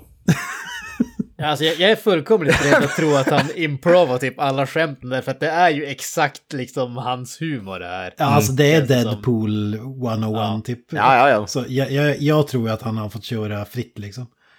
Det är bara det att han, de måste ha rain it in lite grann. Jag tror det är som, Deadpool kändes som att den är ju överdriven, men det känns som ändå som att det är bättre Ja men där, där är det ju karaktären. Det är det som är Ja, grejen. ja, Karaktären det är väl det är ju så, karaktären håller ju på att bryta fjärde väggen och Ja, sådana precis. i Karaktären är tidningarna också. psykotisk och kan därefter agera psykotiskt också. Ja, precis. Precis. Men, men alltså, i slutändan måste jag ändå säga att, eh, precis som vi sa, alltså just att det här är inte en bra film. Men det, det som jag, jag, jag... Det här är också en sån där grej som jag, jag har lite svårt att förlika mig själv med det här. Därför att jag tycker att den här filmen har mer underhållningsvärde än den är bra. Ja, är, korrekt. jag, jag, jag tycker att den är underhållande att se på trots att jag inte tycker om den. Jag Och- kan likna det med en trainwreck eh, på ett sätt. Man kan inte riktigt kolla ja. bort. Nej. Alltså det, på något sätt så måste jag ändå hålla med där, för jag, det, det flöt, de här 1.48, det flöt förbi ganska snabbt och då tyckte jag ändå att filmen var urusel. Alltså jag satt ju och hatade varenda Hur många sittningar fick du se den här filmen i? Nej, jag såg, jag såg det faktiskt, eller alltså jag pausade ju i sit, den sittningen, men det blev, det blev faktiskt bara en sittning. Åh Alltså, du måste ju ha jävlar! älskat den här filmen, Ja. det tror jag är första gången som det har hänt. Har det någonsin hänt? Ja, när han har sett på bio, men bortsett från det så. Ja, på The Men jag såg ju. Zack Snyder, jag såg ju Snyder Cut i en, i en sittning. Så. Det är David S. Goyer som får det att eh, sitta kvar. Ja, precis. Det är David S. Goyer. alltså. Ja. Nej men jag vet, jag, på något sätt har du ju rätt. Alltså jag satt och hatade varenda sekund och tyckte den var usel, men så, man, som sagt, man kunde som inte sluta kolla av någon jävla anledning ändå. Jag vet inte vad, vad fan det är. Ja, men Jag, jag, tror, jag tror att på något sätt så är det den här det, det, är förhoppningen om att den helt plötsligt ska bli mycket bättre. Nej, nej, nej, nej, nej, nej, nej, nej. det där är helt fel. Helt fel tolkning av det här i min mening. Um. Alltså, det, det här är den perfekta trainwrecken. Man vill se det gå ännu värre. ja, men jag, är lite inne med, jag är lite inne på Granström, alltså man tänker han då, snart börjar Blade-filmen, okej, okay, när vi har städat undan det här då, då får vi det riktiga... då, då kommer det igång. Ja. Problemet är bara att Dominic Purcell ska eh, verkligen kunna, han kommer kunna börja lära sig skådespela halvvägs in i filmen. ja, problemet är bara att istället för att komma igång så lägger, de kommer igång men de lägger i backen, det är det som är problemet.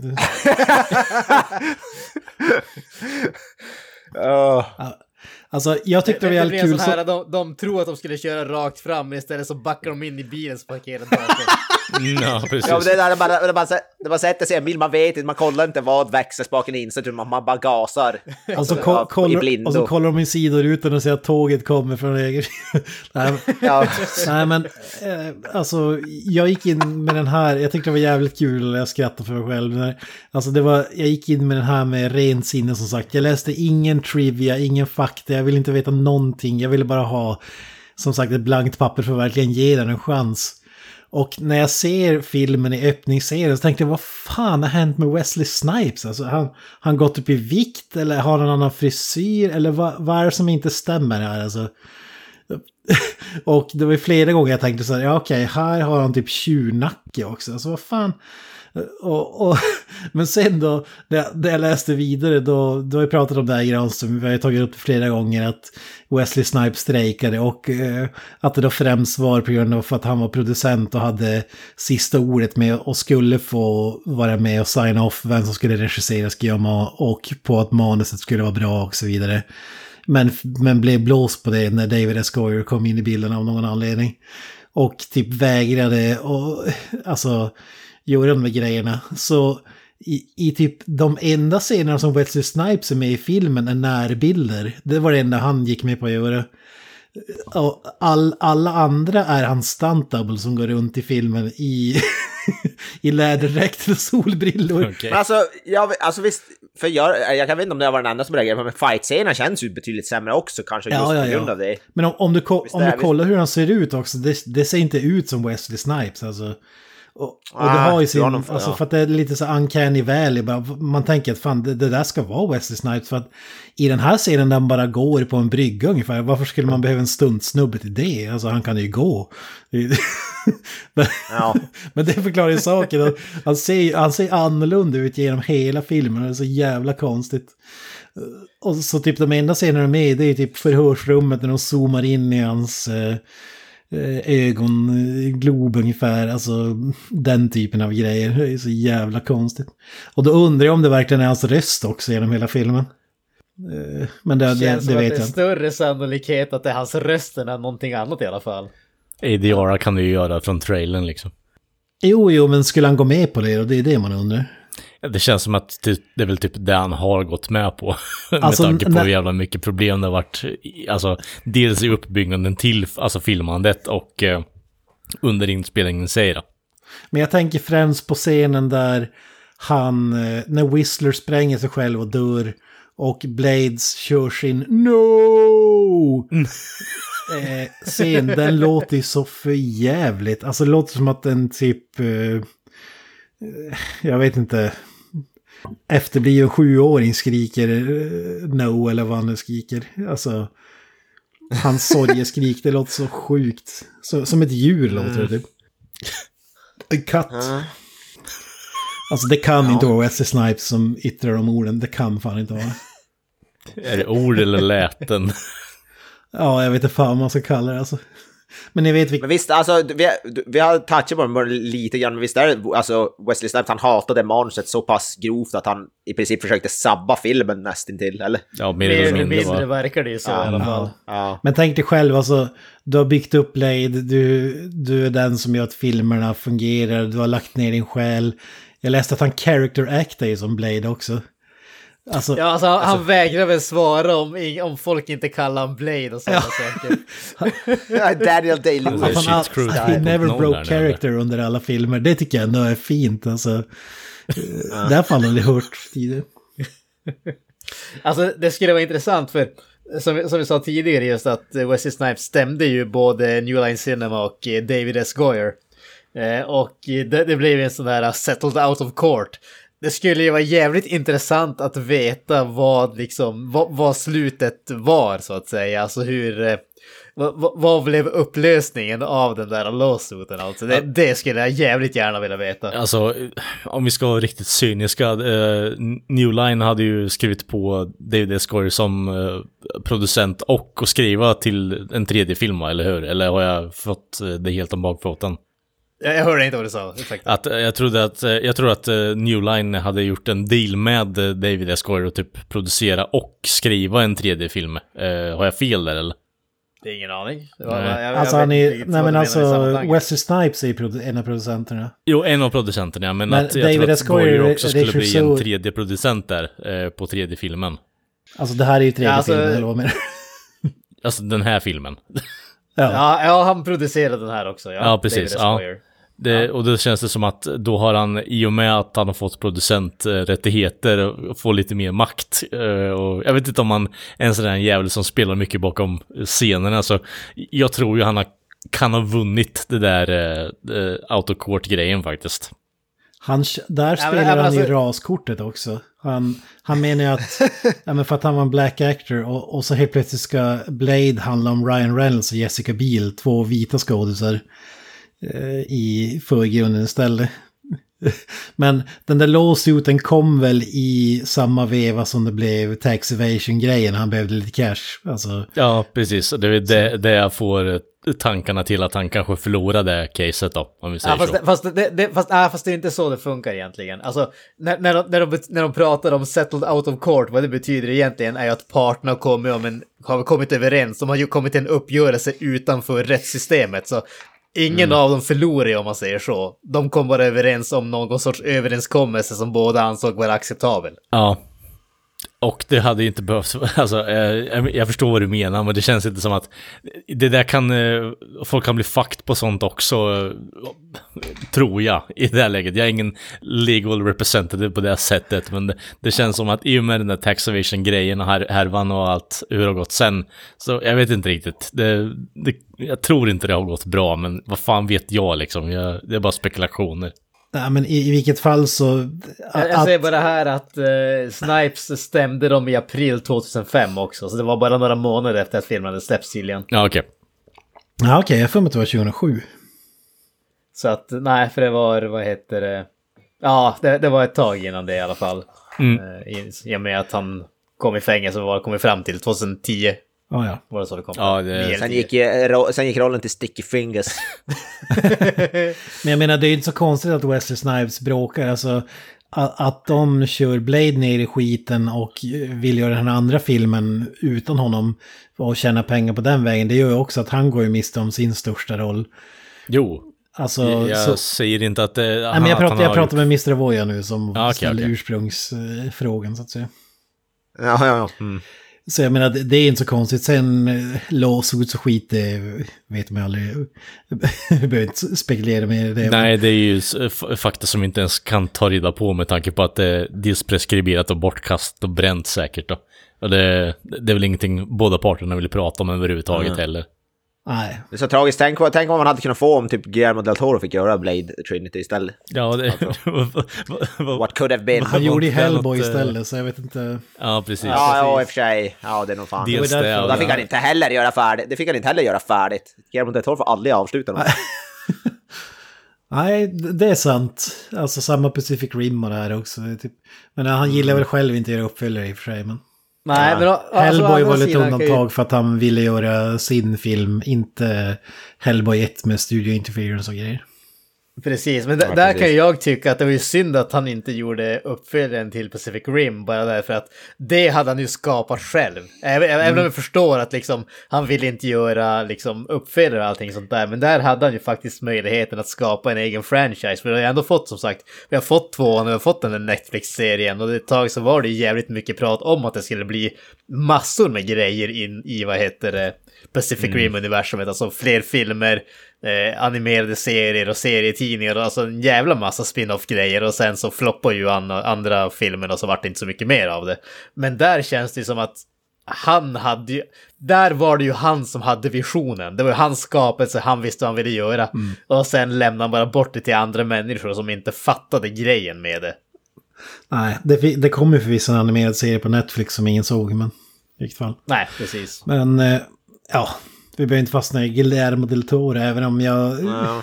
Man hade gjort vad som helst för att se honom göra trean, eller en fyra. Det är ju inte för sent än. Ja, precis. Ja, precis. Jag, jag, jag ser bara på, eh, på eh, IMDB's trivia-sektion att eh, Steven Norrington som regisserade första filmen eh, considered returning to direct this film but he changed his mind after reading the script which he didn't like. Nej, nej, det, jag, tror, jag tror det var ungefär likadant med eh, Del Toro också. Liksom, va? Ja, men, eh, ja, jag har sett ditt manus, men jag kan göra lite koncept, konst till filmen istället, om du lämnar mig i fred typ. Ja, alltså den, den är ju ett haveri på berättarfronten. Alltså, han, han har ju uh, ingen aning vad han håller på med. Alltså, alltså ba- basic-grejer tappas ju bort känns det som. Mm. Jag vet inte, det är möjligt Men- att det kan vara i studio interference här också, men då borde de ju ha interferat mer än vad de gjorde. Ja, jo, det kan man väl tycka, men åt andra, å andra sidan så ser vi ju vad, vad som händer om studion pillar för mycket i också, typ Suicide Squad första filmen liksom. Det är ju så här, disaster. Ja. ja, men vi har ju pratat ganska mycket om varför, vad vi inte tycker om och varför vi inte tycker om den här filmen. Men har vi några scener som vi vill gå in på, antingen för att de är bra eller för att de är dåliga, men bara några specifika grejer som vi vill prata lite mer om. Därför att jag har ju en liten grej som jag ändå tycker var... Jag tycker jag, jag är ändå oväntat positivt inställd till den. Och det är ju faktiskt den här biljakten som vi får i början av filmen. Jag, alltså, jag, vet inte, jag, det kanske är för att jag liksom uppvuxen med en farsa som är väldigt mycket för bilsport och sådana grejer.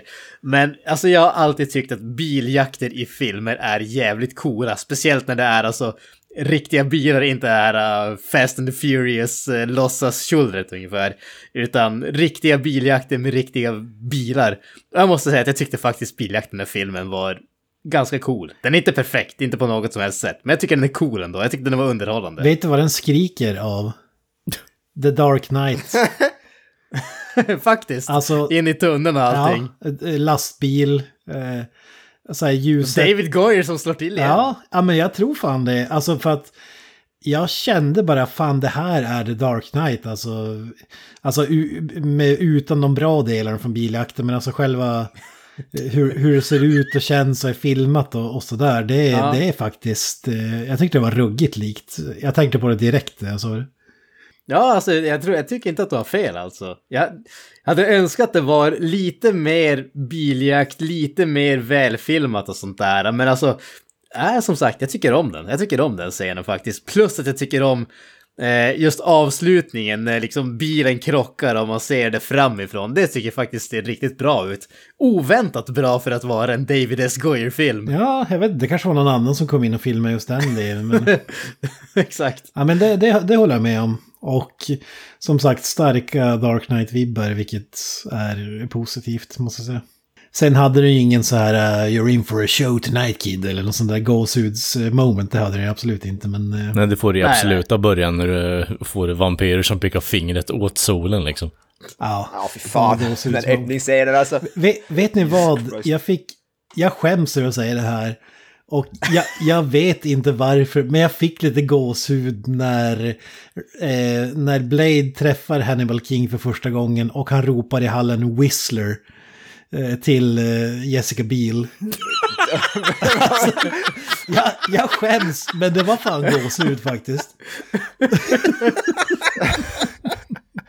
Ja, ja. Jag, jag, kan, jag kan inte förklara varför, men... Det, jag, Eh, Din hjärna är lätt manipulerad. Grattis Då, då, tyckte jag det var cool. då tyckte jag mer om när hon, vad heter Bergen, när hon skrek Hannibal King när han hoppade genom fönstret. Då tyckte jag mer om den. Hannibal King! tycker jag är bättre. Ja, men alltså, jag, jag måste fan säga, det, det har ju mer kanske för kärleken för Whistler, att han, han har nyss dött och så vidare. Eh, men ja, men vi, vi kan väl hoppa dit då egentligen. Alltså, fy fan vilket slöseri med, alltså, Chris, Chris? Alltså vi, vi får inte ens sörja Whistler ordentligt. Alltså, om vi jämför med första Nej. filmen till exempel som var ett värdigt slut. Eh, och sen, men sen, jag gillar att de tog tillbaka honom i andra filmen, det gjorde jag för att jag vill se Whistler leva. men nu bara, här dödar honom bara, förmodligen för att han inte, heller inte ville vara med. Det är ju mer så det känns. Och sen bara går vi bara vidare, typ Wesley Snipes skriker som en tamkatt nere på en brygga och så sen är det fine med det. Och, vi ska sörja massa andra dönickar som vi har lärt känna i två sekunder.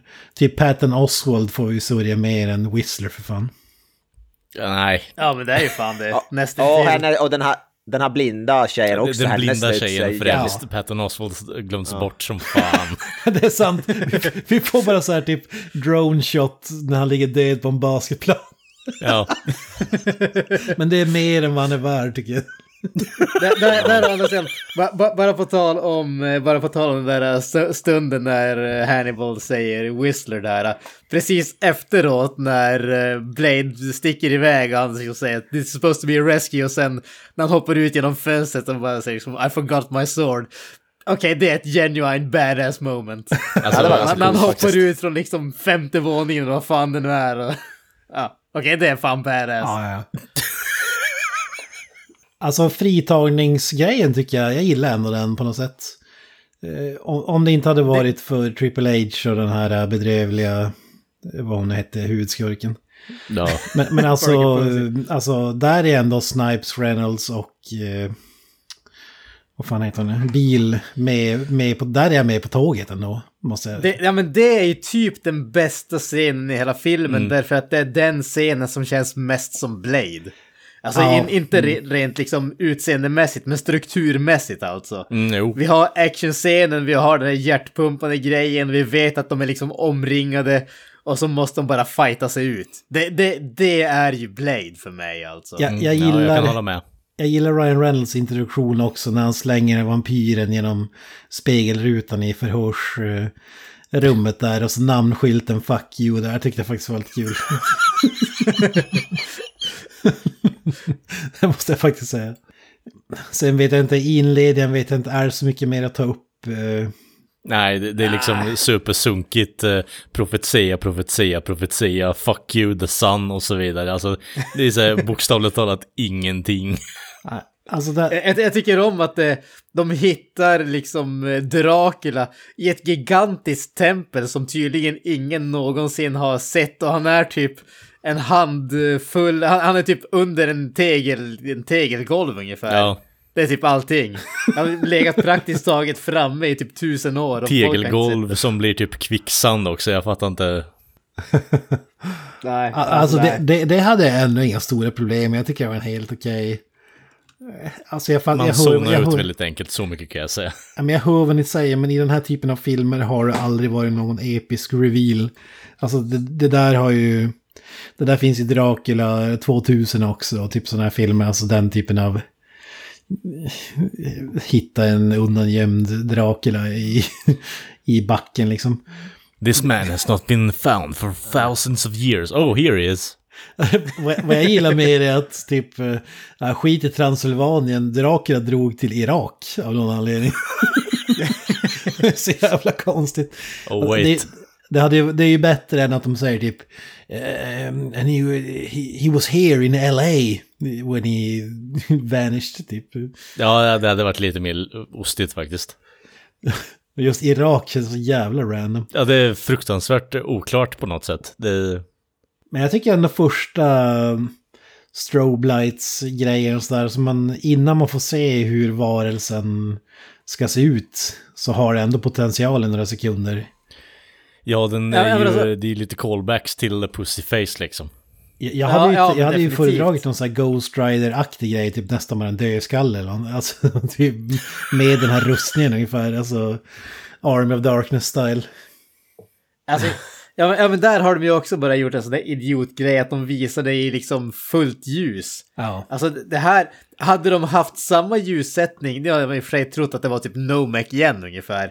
Men jag tycker ändå att det, det hade ju ändå sett coolt ut om man hade liksom det där mörkret och allting och man ser som inte riktigt hur han ser ut. Det, då hade det ändå kunnat Hell, funka. Hellra- jag tänkte säga så här Hellraiser, alltså. Ja men typ. Vad heter Han som alltid står undan, där i mörker, Frank, mörkret och sådär. eh, ja. Frank, precis. Ja. De, hade ju, de borde ju ha haft den, alltså han skulle aldrig ha gått i sin människoform, Dracula, för det är då det förstörs. Ja, jag håller med. Alltså, ett, äh, ett av det hade du. Och framförallt ska det inte vara Dominic Purcell förstås. Det ska ju vara, det ska ju vara någon sån här typ Max von Sydow-aktig. Alltså typ Frank Ja, det ska ju vara någon som är typ 100 år gammal. Exakt. Han ska se riktigt jävla elak ut också. Ja men såhär Frank Langella, Skeletor. Alltså, han har väl också spelat Dracula, har han inte det? Tror fan. Säkert. Bela Lugosi-style. Alltså, mer åt det hållet. I, I och för sig, det hade fick vi i tvåan. I och för sig, men ändå. Malcolm McDowell hade det varit perfekt. Ja. Ja men, men alltså, det, det som jag tänker där, det är ju att man skulle ha haft någon som, alltså som är gammal men som man ser att när han var ung så var han badass alltså. Då var han en sån som bara slet huvudet av folk. Ja, Drew Glider är liksom, det är toppen. Å andra sidan känns det som att eh, Malcolm McDowell är nästan lite... Jag vet inte. Han, han känns inte så badass alltså. Han, han känns inte skräckinjagande. men- han har en bra Ja. blick men... Mer, mer Liksom såhär fysiskt. Burt Reynolds, tänker jag. Burt Reynolds med vid Chris Christopherson alltså. Med morsan, han vaknar upp med morsan full med blod alltså. Ja, det... Dracula kör en trans är det där du vill komma till eller? Eller Cheech and Chong, Apple Pie Pussy. Ja, vad fan. Cheech Marin kommer in bara. Eller nej, han, han gamla Maxen som är med i Robert Rodriguez alla filmer. Den snubben vad han nu heter. Vem då? Den är, inte Danny Trejo. Nej, nej, nej, nej. Ehm, Jag tänkte, han som... Eh, Harvey Keitel. Bexen. Nej men eh, han, eh, vad fan heter han? Han är med i Donny Brasco också. Vad fan heter han? Ja, whatever. Det, vi behöver inte fastna på det här. Han, han är i baren i Once eh, Mexico, Once upon a time in Mexico, eller vad fan heter. Ja, det är Cheech Marin. Skull fuck you. Nej. Jo. Jag tror, ja jag kanske blandar ihop dem. Men ja, skitsamma. Ja, det kanske var han. Jag vet inte. Ja, Whatever. det är Cheech. En gammal snubbe i alla fall, det är vi överens om. Okej. Moving on. Nej, Ja, men jag menar, det, det skulle ju Dracula ha varit förstås. Inte en ung och fräsch person. Nej, absolut, absolut. Inte någon jävla steroidpumpad jävla bodybuilder utan nacke. Det är inte, skriker inte Dracula. Jag tycker inte att hans fysik är särskilt eh, hotfull. Fysiken är alltså. okej, men det är ju bara att ah, han ska inte se ut sådär. Ja, men det, alltså, Man ser ju ut som random nightclub bouncer nummer sju. Ja. typ. Ja, jo. Precis. han skulle hellre vara en wrestler eller någonting känner jag. Eller så Alltså, skulle han varit någon av, eh, alltså, goonsen till Dracula. det, Triple H ser mer ut så hade det varit en bättre Dracula än Dominic. Purcell. Vad sa du att han hette? Triple H. Jag hade du sa någonting som slutar på S. Nej, alltså, jag hade fan, jag hade fan sett Triple H hellre än Dominic Purcell. Men alltså The Ja, Undertaker, det hade varit perfekt. Ja, ja, Kistan ja, också. precis. Ja. Ja, ja, det är sant fan. Eller The Rock när vi ändå håller Ja, på. oh, herregud såklart. Hulk Hogan, Hulk Hogan hade varit det bästa. Ja, ja. You smell brother, what the suck you want brother? Fy fan vilken John jävla Cena.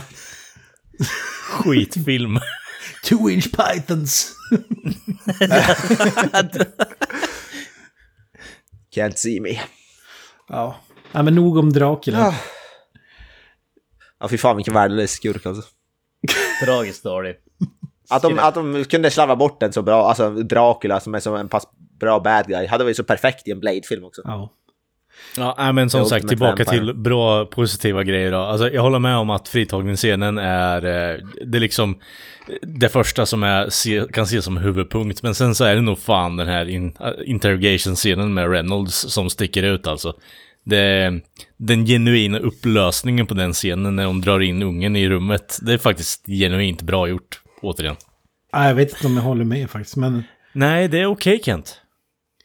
Ja, men jag försöker tänka... Eller är alltså, det verkligen okej? det- Hade det varit någon annan skurk som hade sagt det där hade jag köpt det mer än den här eh, whimsical eh, tanten som bara vill ligga med Dracula. Som, Jo, alltså jag förstår att du re, eh, alltså, resonerar på det sättet. För att upp till den punkten i just den scenen så är hon fruktansvärt dålig. Men där i typ 15 sekunder så glänser hon faktiskt. Och det ska jag ty jag tycker ändå är värt att sk- skina lite ljus på faktiskt. Även om hon är totalt katastrof rakt igenom eh, resten av filmen.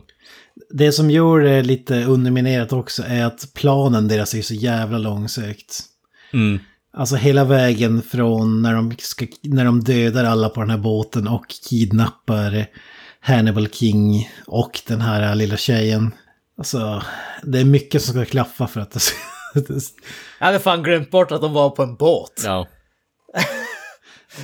Men kan, kan vi inte ta båten då när, när vi introduceras till Q-människan, den blinda Q. På väg till. Betty Ford. Be Alltså- nice. Alltså det, det är ju inte The Blood Pack direkt vi får lära känna. Från Nej, det är ju... Samtidigt så är det väl lite group of misfits liksom. Alltså, Patton Oswald tillför fan med ingenting. Alltså det är så här... Ja, jag vet inte riktigt vad. Han, han fy fan, tillför verkligen där- inte ett jävla smack i den här filmen. När de går igenom den där jävla, alltså när de går igenom alla vapen och det där och alla, alltså. Och vapnen, det ska ju se coolt ut men det ser ju bara, man ser ju att det är så Toys R Us plastiga leksaker också. Ingen av dem är speciellt co coola tycker jag. Men bara, bara Patton Oswald, han är ju bara där för att vara kanonmat. Det förstår man ju samma sekund han introduceras tillsammans med den här föraren. Ja.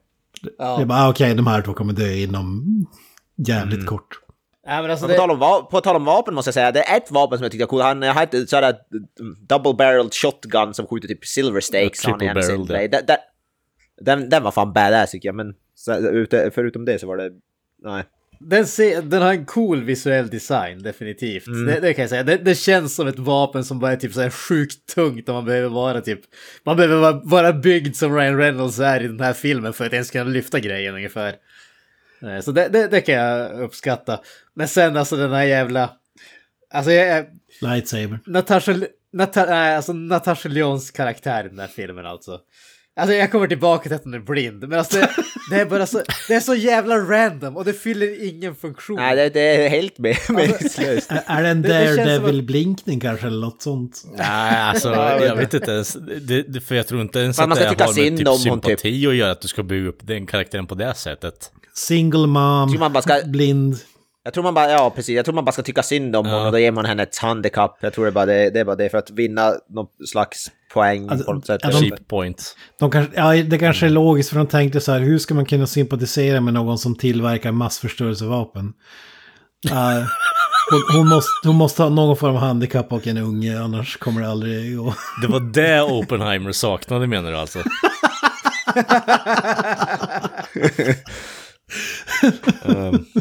Spoilers för Oppenheimer, det visar att det är Natasha Lyonne som spelar. Ja, precis.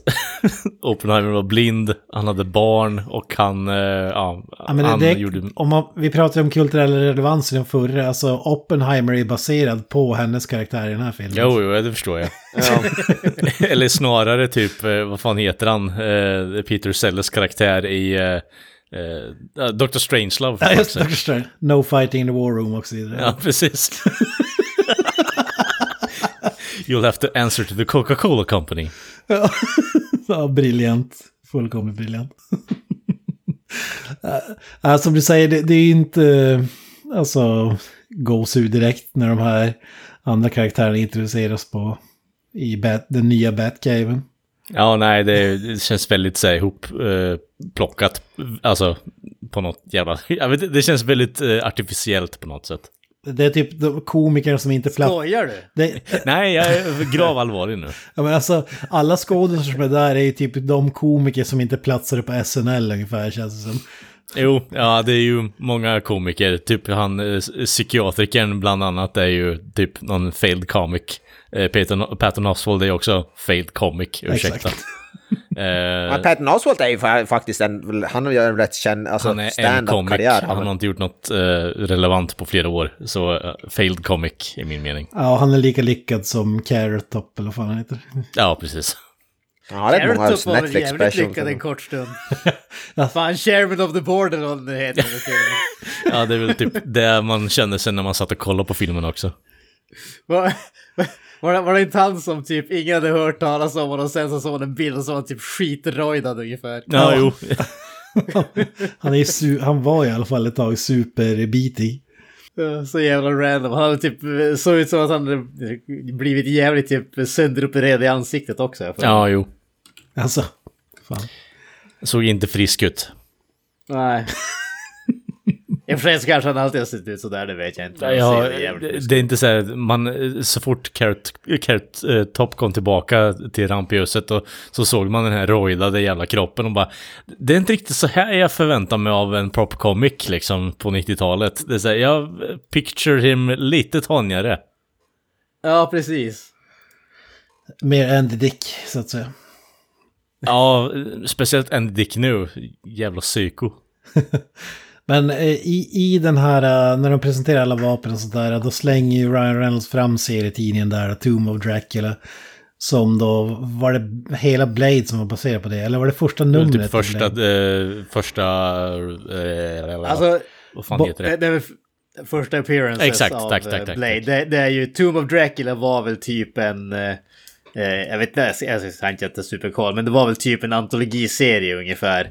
Så att det, det var liksom massa olika grejer. Jag tror Ah, okej. Blade var väl en av karaktärerna som dök upp i den, eh, i den serietidningen. Men det var inte en egentligen serietidning om Blade specifikt.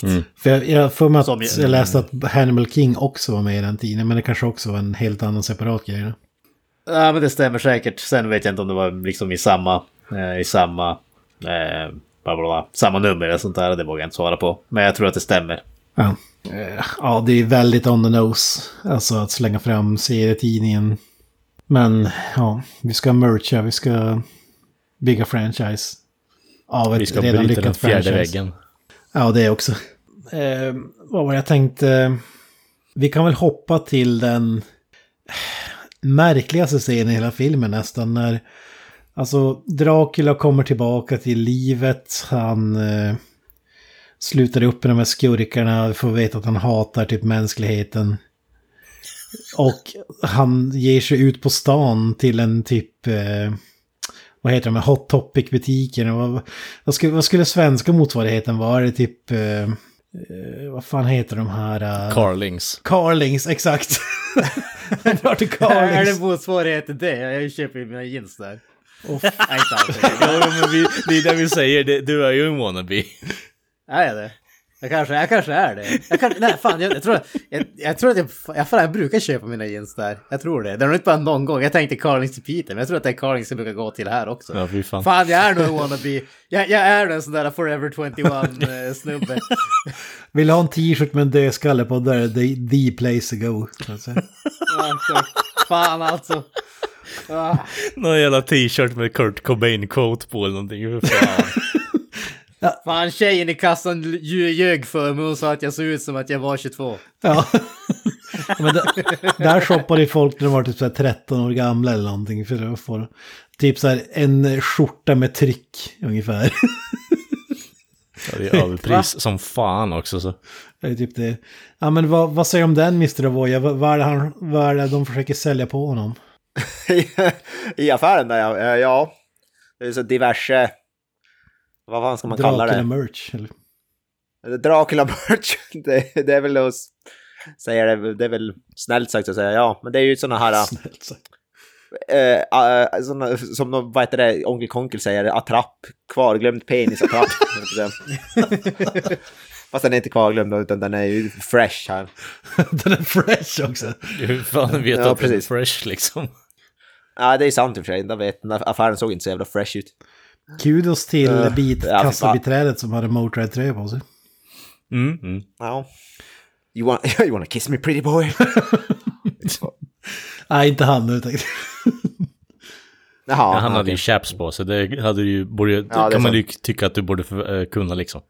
Ja, det, men det är hon, den här Ja, sant. tjejen försöker sälja på honom Dracula-dildos. Som tydligen är Ja. en grej. Jävligt nischad marknad för övrigt. Alltså, Ja, jag vet inte. Jag tycker, alltså, alltså, jag tycker om just bara den här grejen att de har... Å, å andra sidan, jag kan ändå köpa det bara att... Okej, du har en affär som är ägnad helt åt Dracula. Jag kan ändå köpa det. Men alltså bara just den här tanken att de har typ bordet med dildos typ stående bredvid bordet med frukostflingor. ja absolut. Det är väldigt aptitligt. Lunchboxes, bobbleheads, cereal, dildos, Ja, det- buttplugs. Gather around kids, här är en sektion. Så att säga. Ja, precis. Here's my Chokladfling. Dracula Gimp costume. Eh, Där har Count Chocula. Flingorna. Har dildos, det är så jävla Ja. konstigt. det, det är så här... eh, det, det är det toy i flingpaketet. Just det. Ligger löst bland eh, Ja, precis. En lös dildo.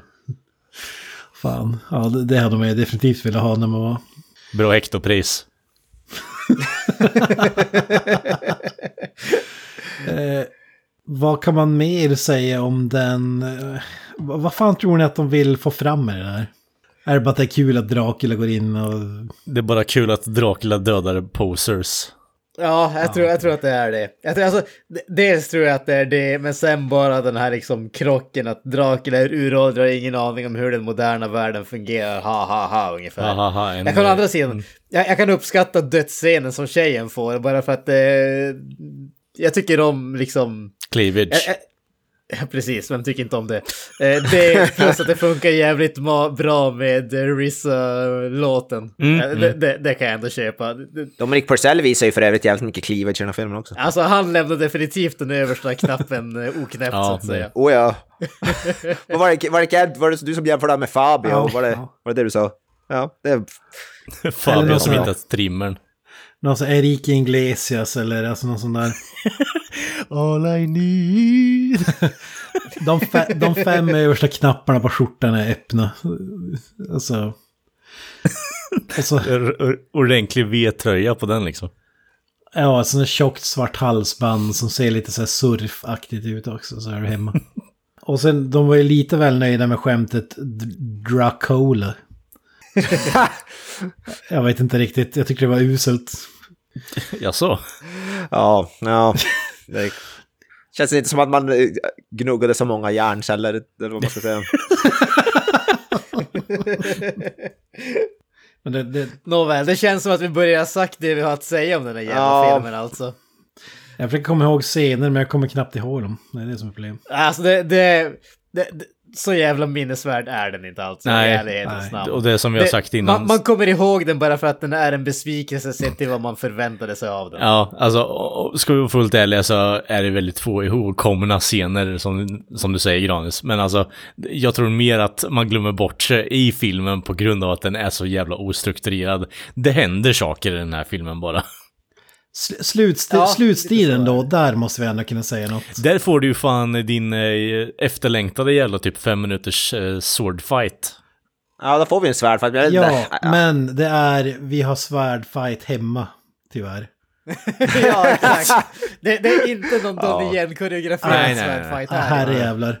Alltså när vi äntligen får det som du säger, vi har väl, alltså typ som en lightsaber battle i Star Wars, som så där man väntar bara, fan nu kommer den, nu smäller det och så är det det här, nej, vad fan hände? Fast jag satt och tänkte på det under, under svärdfighten eh, eh, i den här filmen.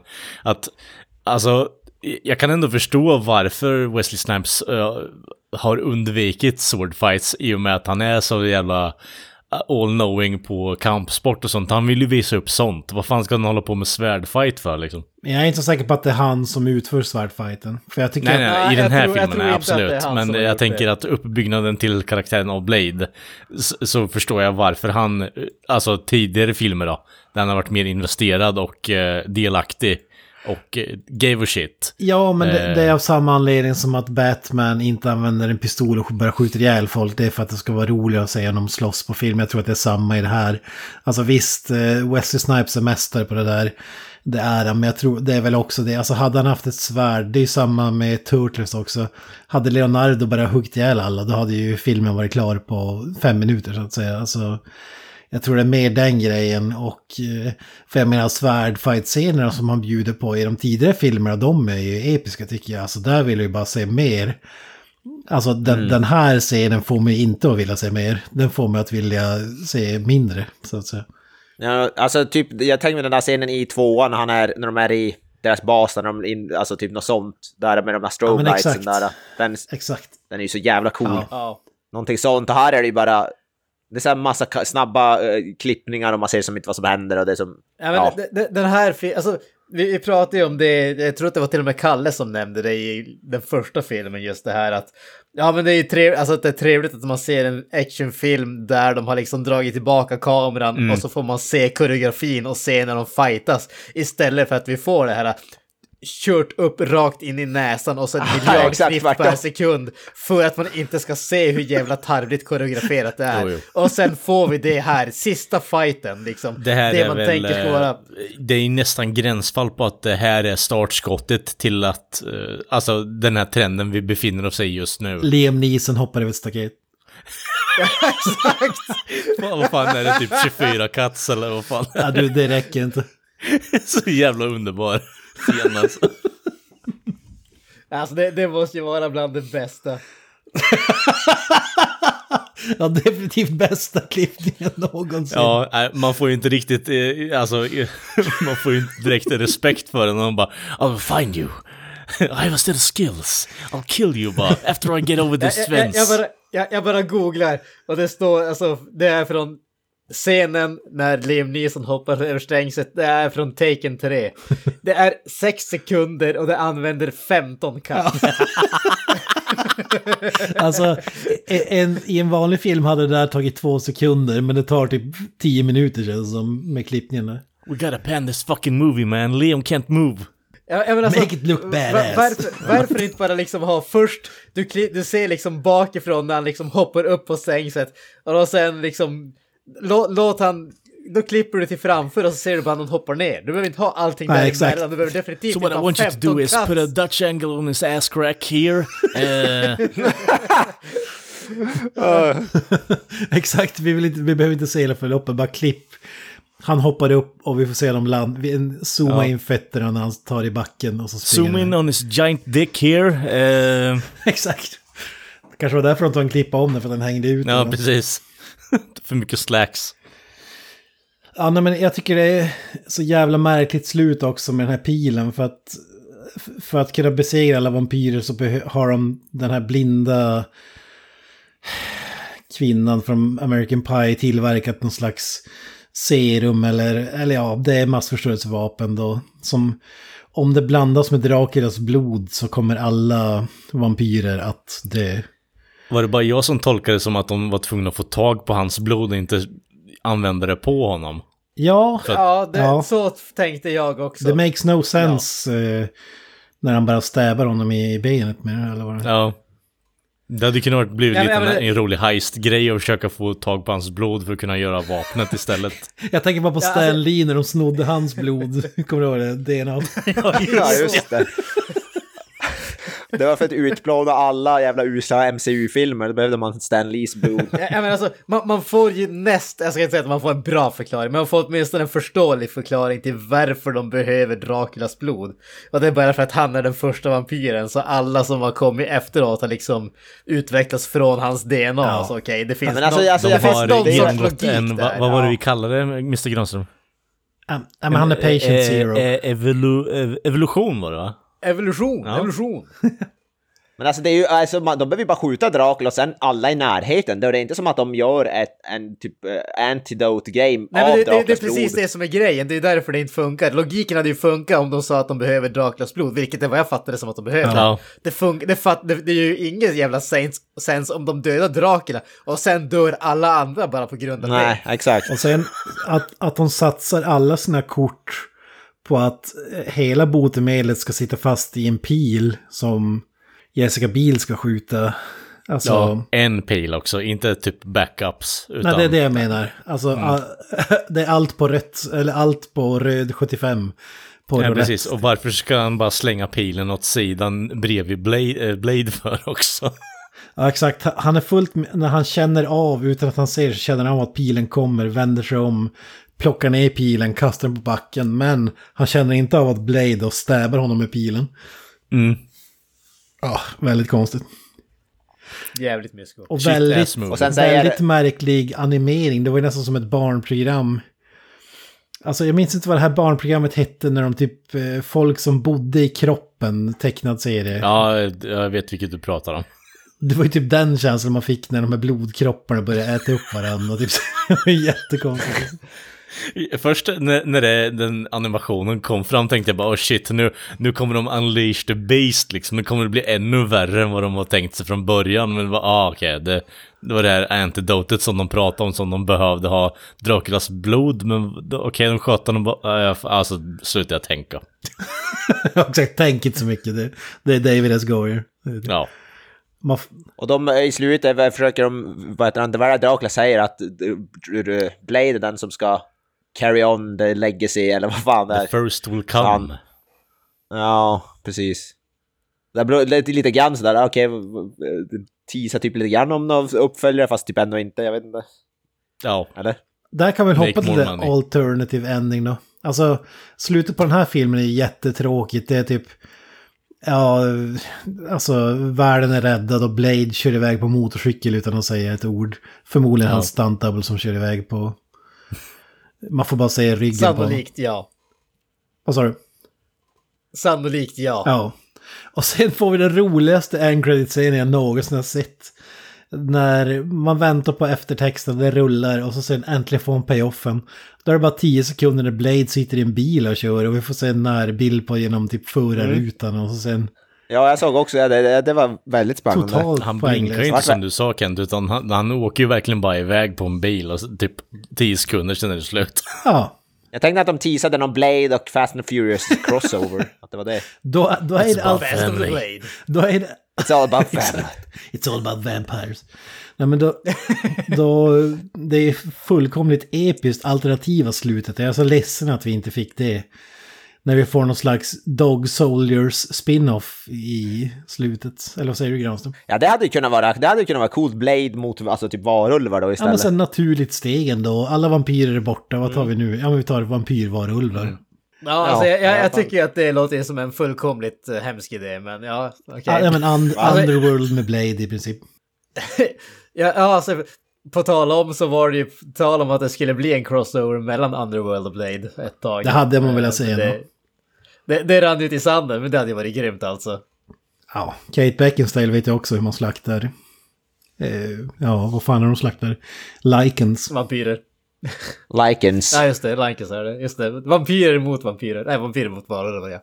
Fan, det var länge sedan jag såg de filmerna. Jag satt och kollade på vad en, DV eller vad en Blu-ray-box skulle kolla. Den var så jäkla dyr, den där block- boxen. Det Underworld. var fan surt. Ja, Fan, ja. jag är fan sugen på att se dem igen. Nåväl. Med det sagt så tar vi och eh, drar i blade Nej, nej, nej, men vänta, vi, vi måste ju berätta slutet innan vi drar i säcken. kortfattat då, då eh, den bortklippta alternativa slutet så får vi en, en skärm där det står sex månader senare och så kom, kliver eh, Ryan Reynolds in på ett kasino i Shanghai. Eh, I Shanghai av alla jävla ställen. Ja. och eh, helt plötsligt flyger Jessica Biel in eh, genom, eh, genom en vägg. Och efter henne, efter henne hoppar en stor varulvsman ut med kläder på förstås. Och den här dräkten är, eh, ja det är Buttericks. Alltså den har inget minspel whatsoever. Den, den typ fladdrar i vinden som ett gummi vilket gör det ännu mer underbart tycker jag. Eh, och så drar ju Ryan Reynolds något skämt om eh, Didn't you know that fur is murder? Vilket jag tyckte var jävligt kul. och sen, vad, vad var det mer? Vad får man om man korsar eh, Mr. Way? Du hade ju den. Ja, vad får man om man korsar en varulv och en vampyr? Du får en, vad heter det, en... vad fan är det? Fur coat, a fur coat that sticks to your neck, tror jag han säger. Så jävla Ja, värdelöst. riktigt jävla sunkigt alltså. Och, och filmen då, då springer de iväg och eh, ja, setupen då är att okej, nu ska vi jaga, jaga varulvar istället för vampyrer. Jag tycker det är fullkomligt underbart. Det är så ostigt, det, det, det slutet hade passat filmens ton mer än det här eh, försöket till ett normalt slut så att säga. Alltså det, det jag kan tycka är lite luddigt är, är det ett kasino eller är det en bordell slash strippklubb? För alltså, ja, den har blandning. ja. Ja, jo. Men det är ju Shanghai vet du. Och med det så tar vi och drar i Blade-säcken. Eh, I vanlig ordning så hittar ni oss på sociala medier, Facebook, Instagram och så vidare. Ni tycker, får gärna skicka oss eh, meddelanden, kommentarer, filmrekommendationer etc. Ni hittar oss givetvis på Pladdercentralen också. Har ni några avslutande ord grabbar? Uh, Hail Caesar. Up the irons. Good night crackers. Hail to the Blade! That's it, man. Game over, man. It's game over.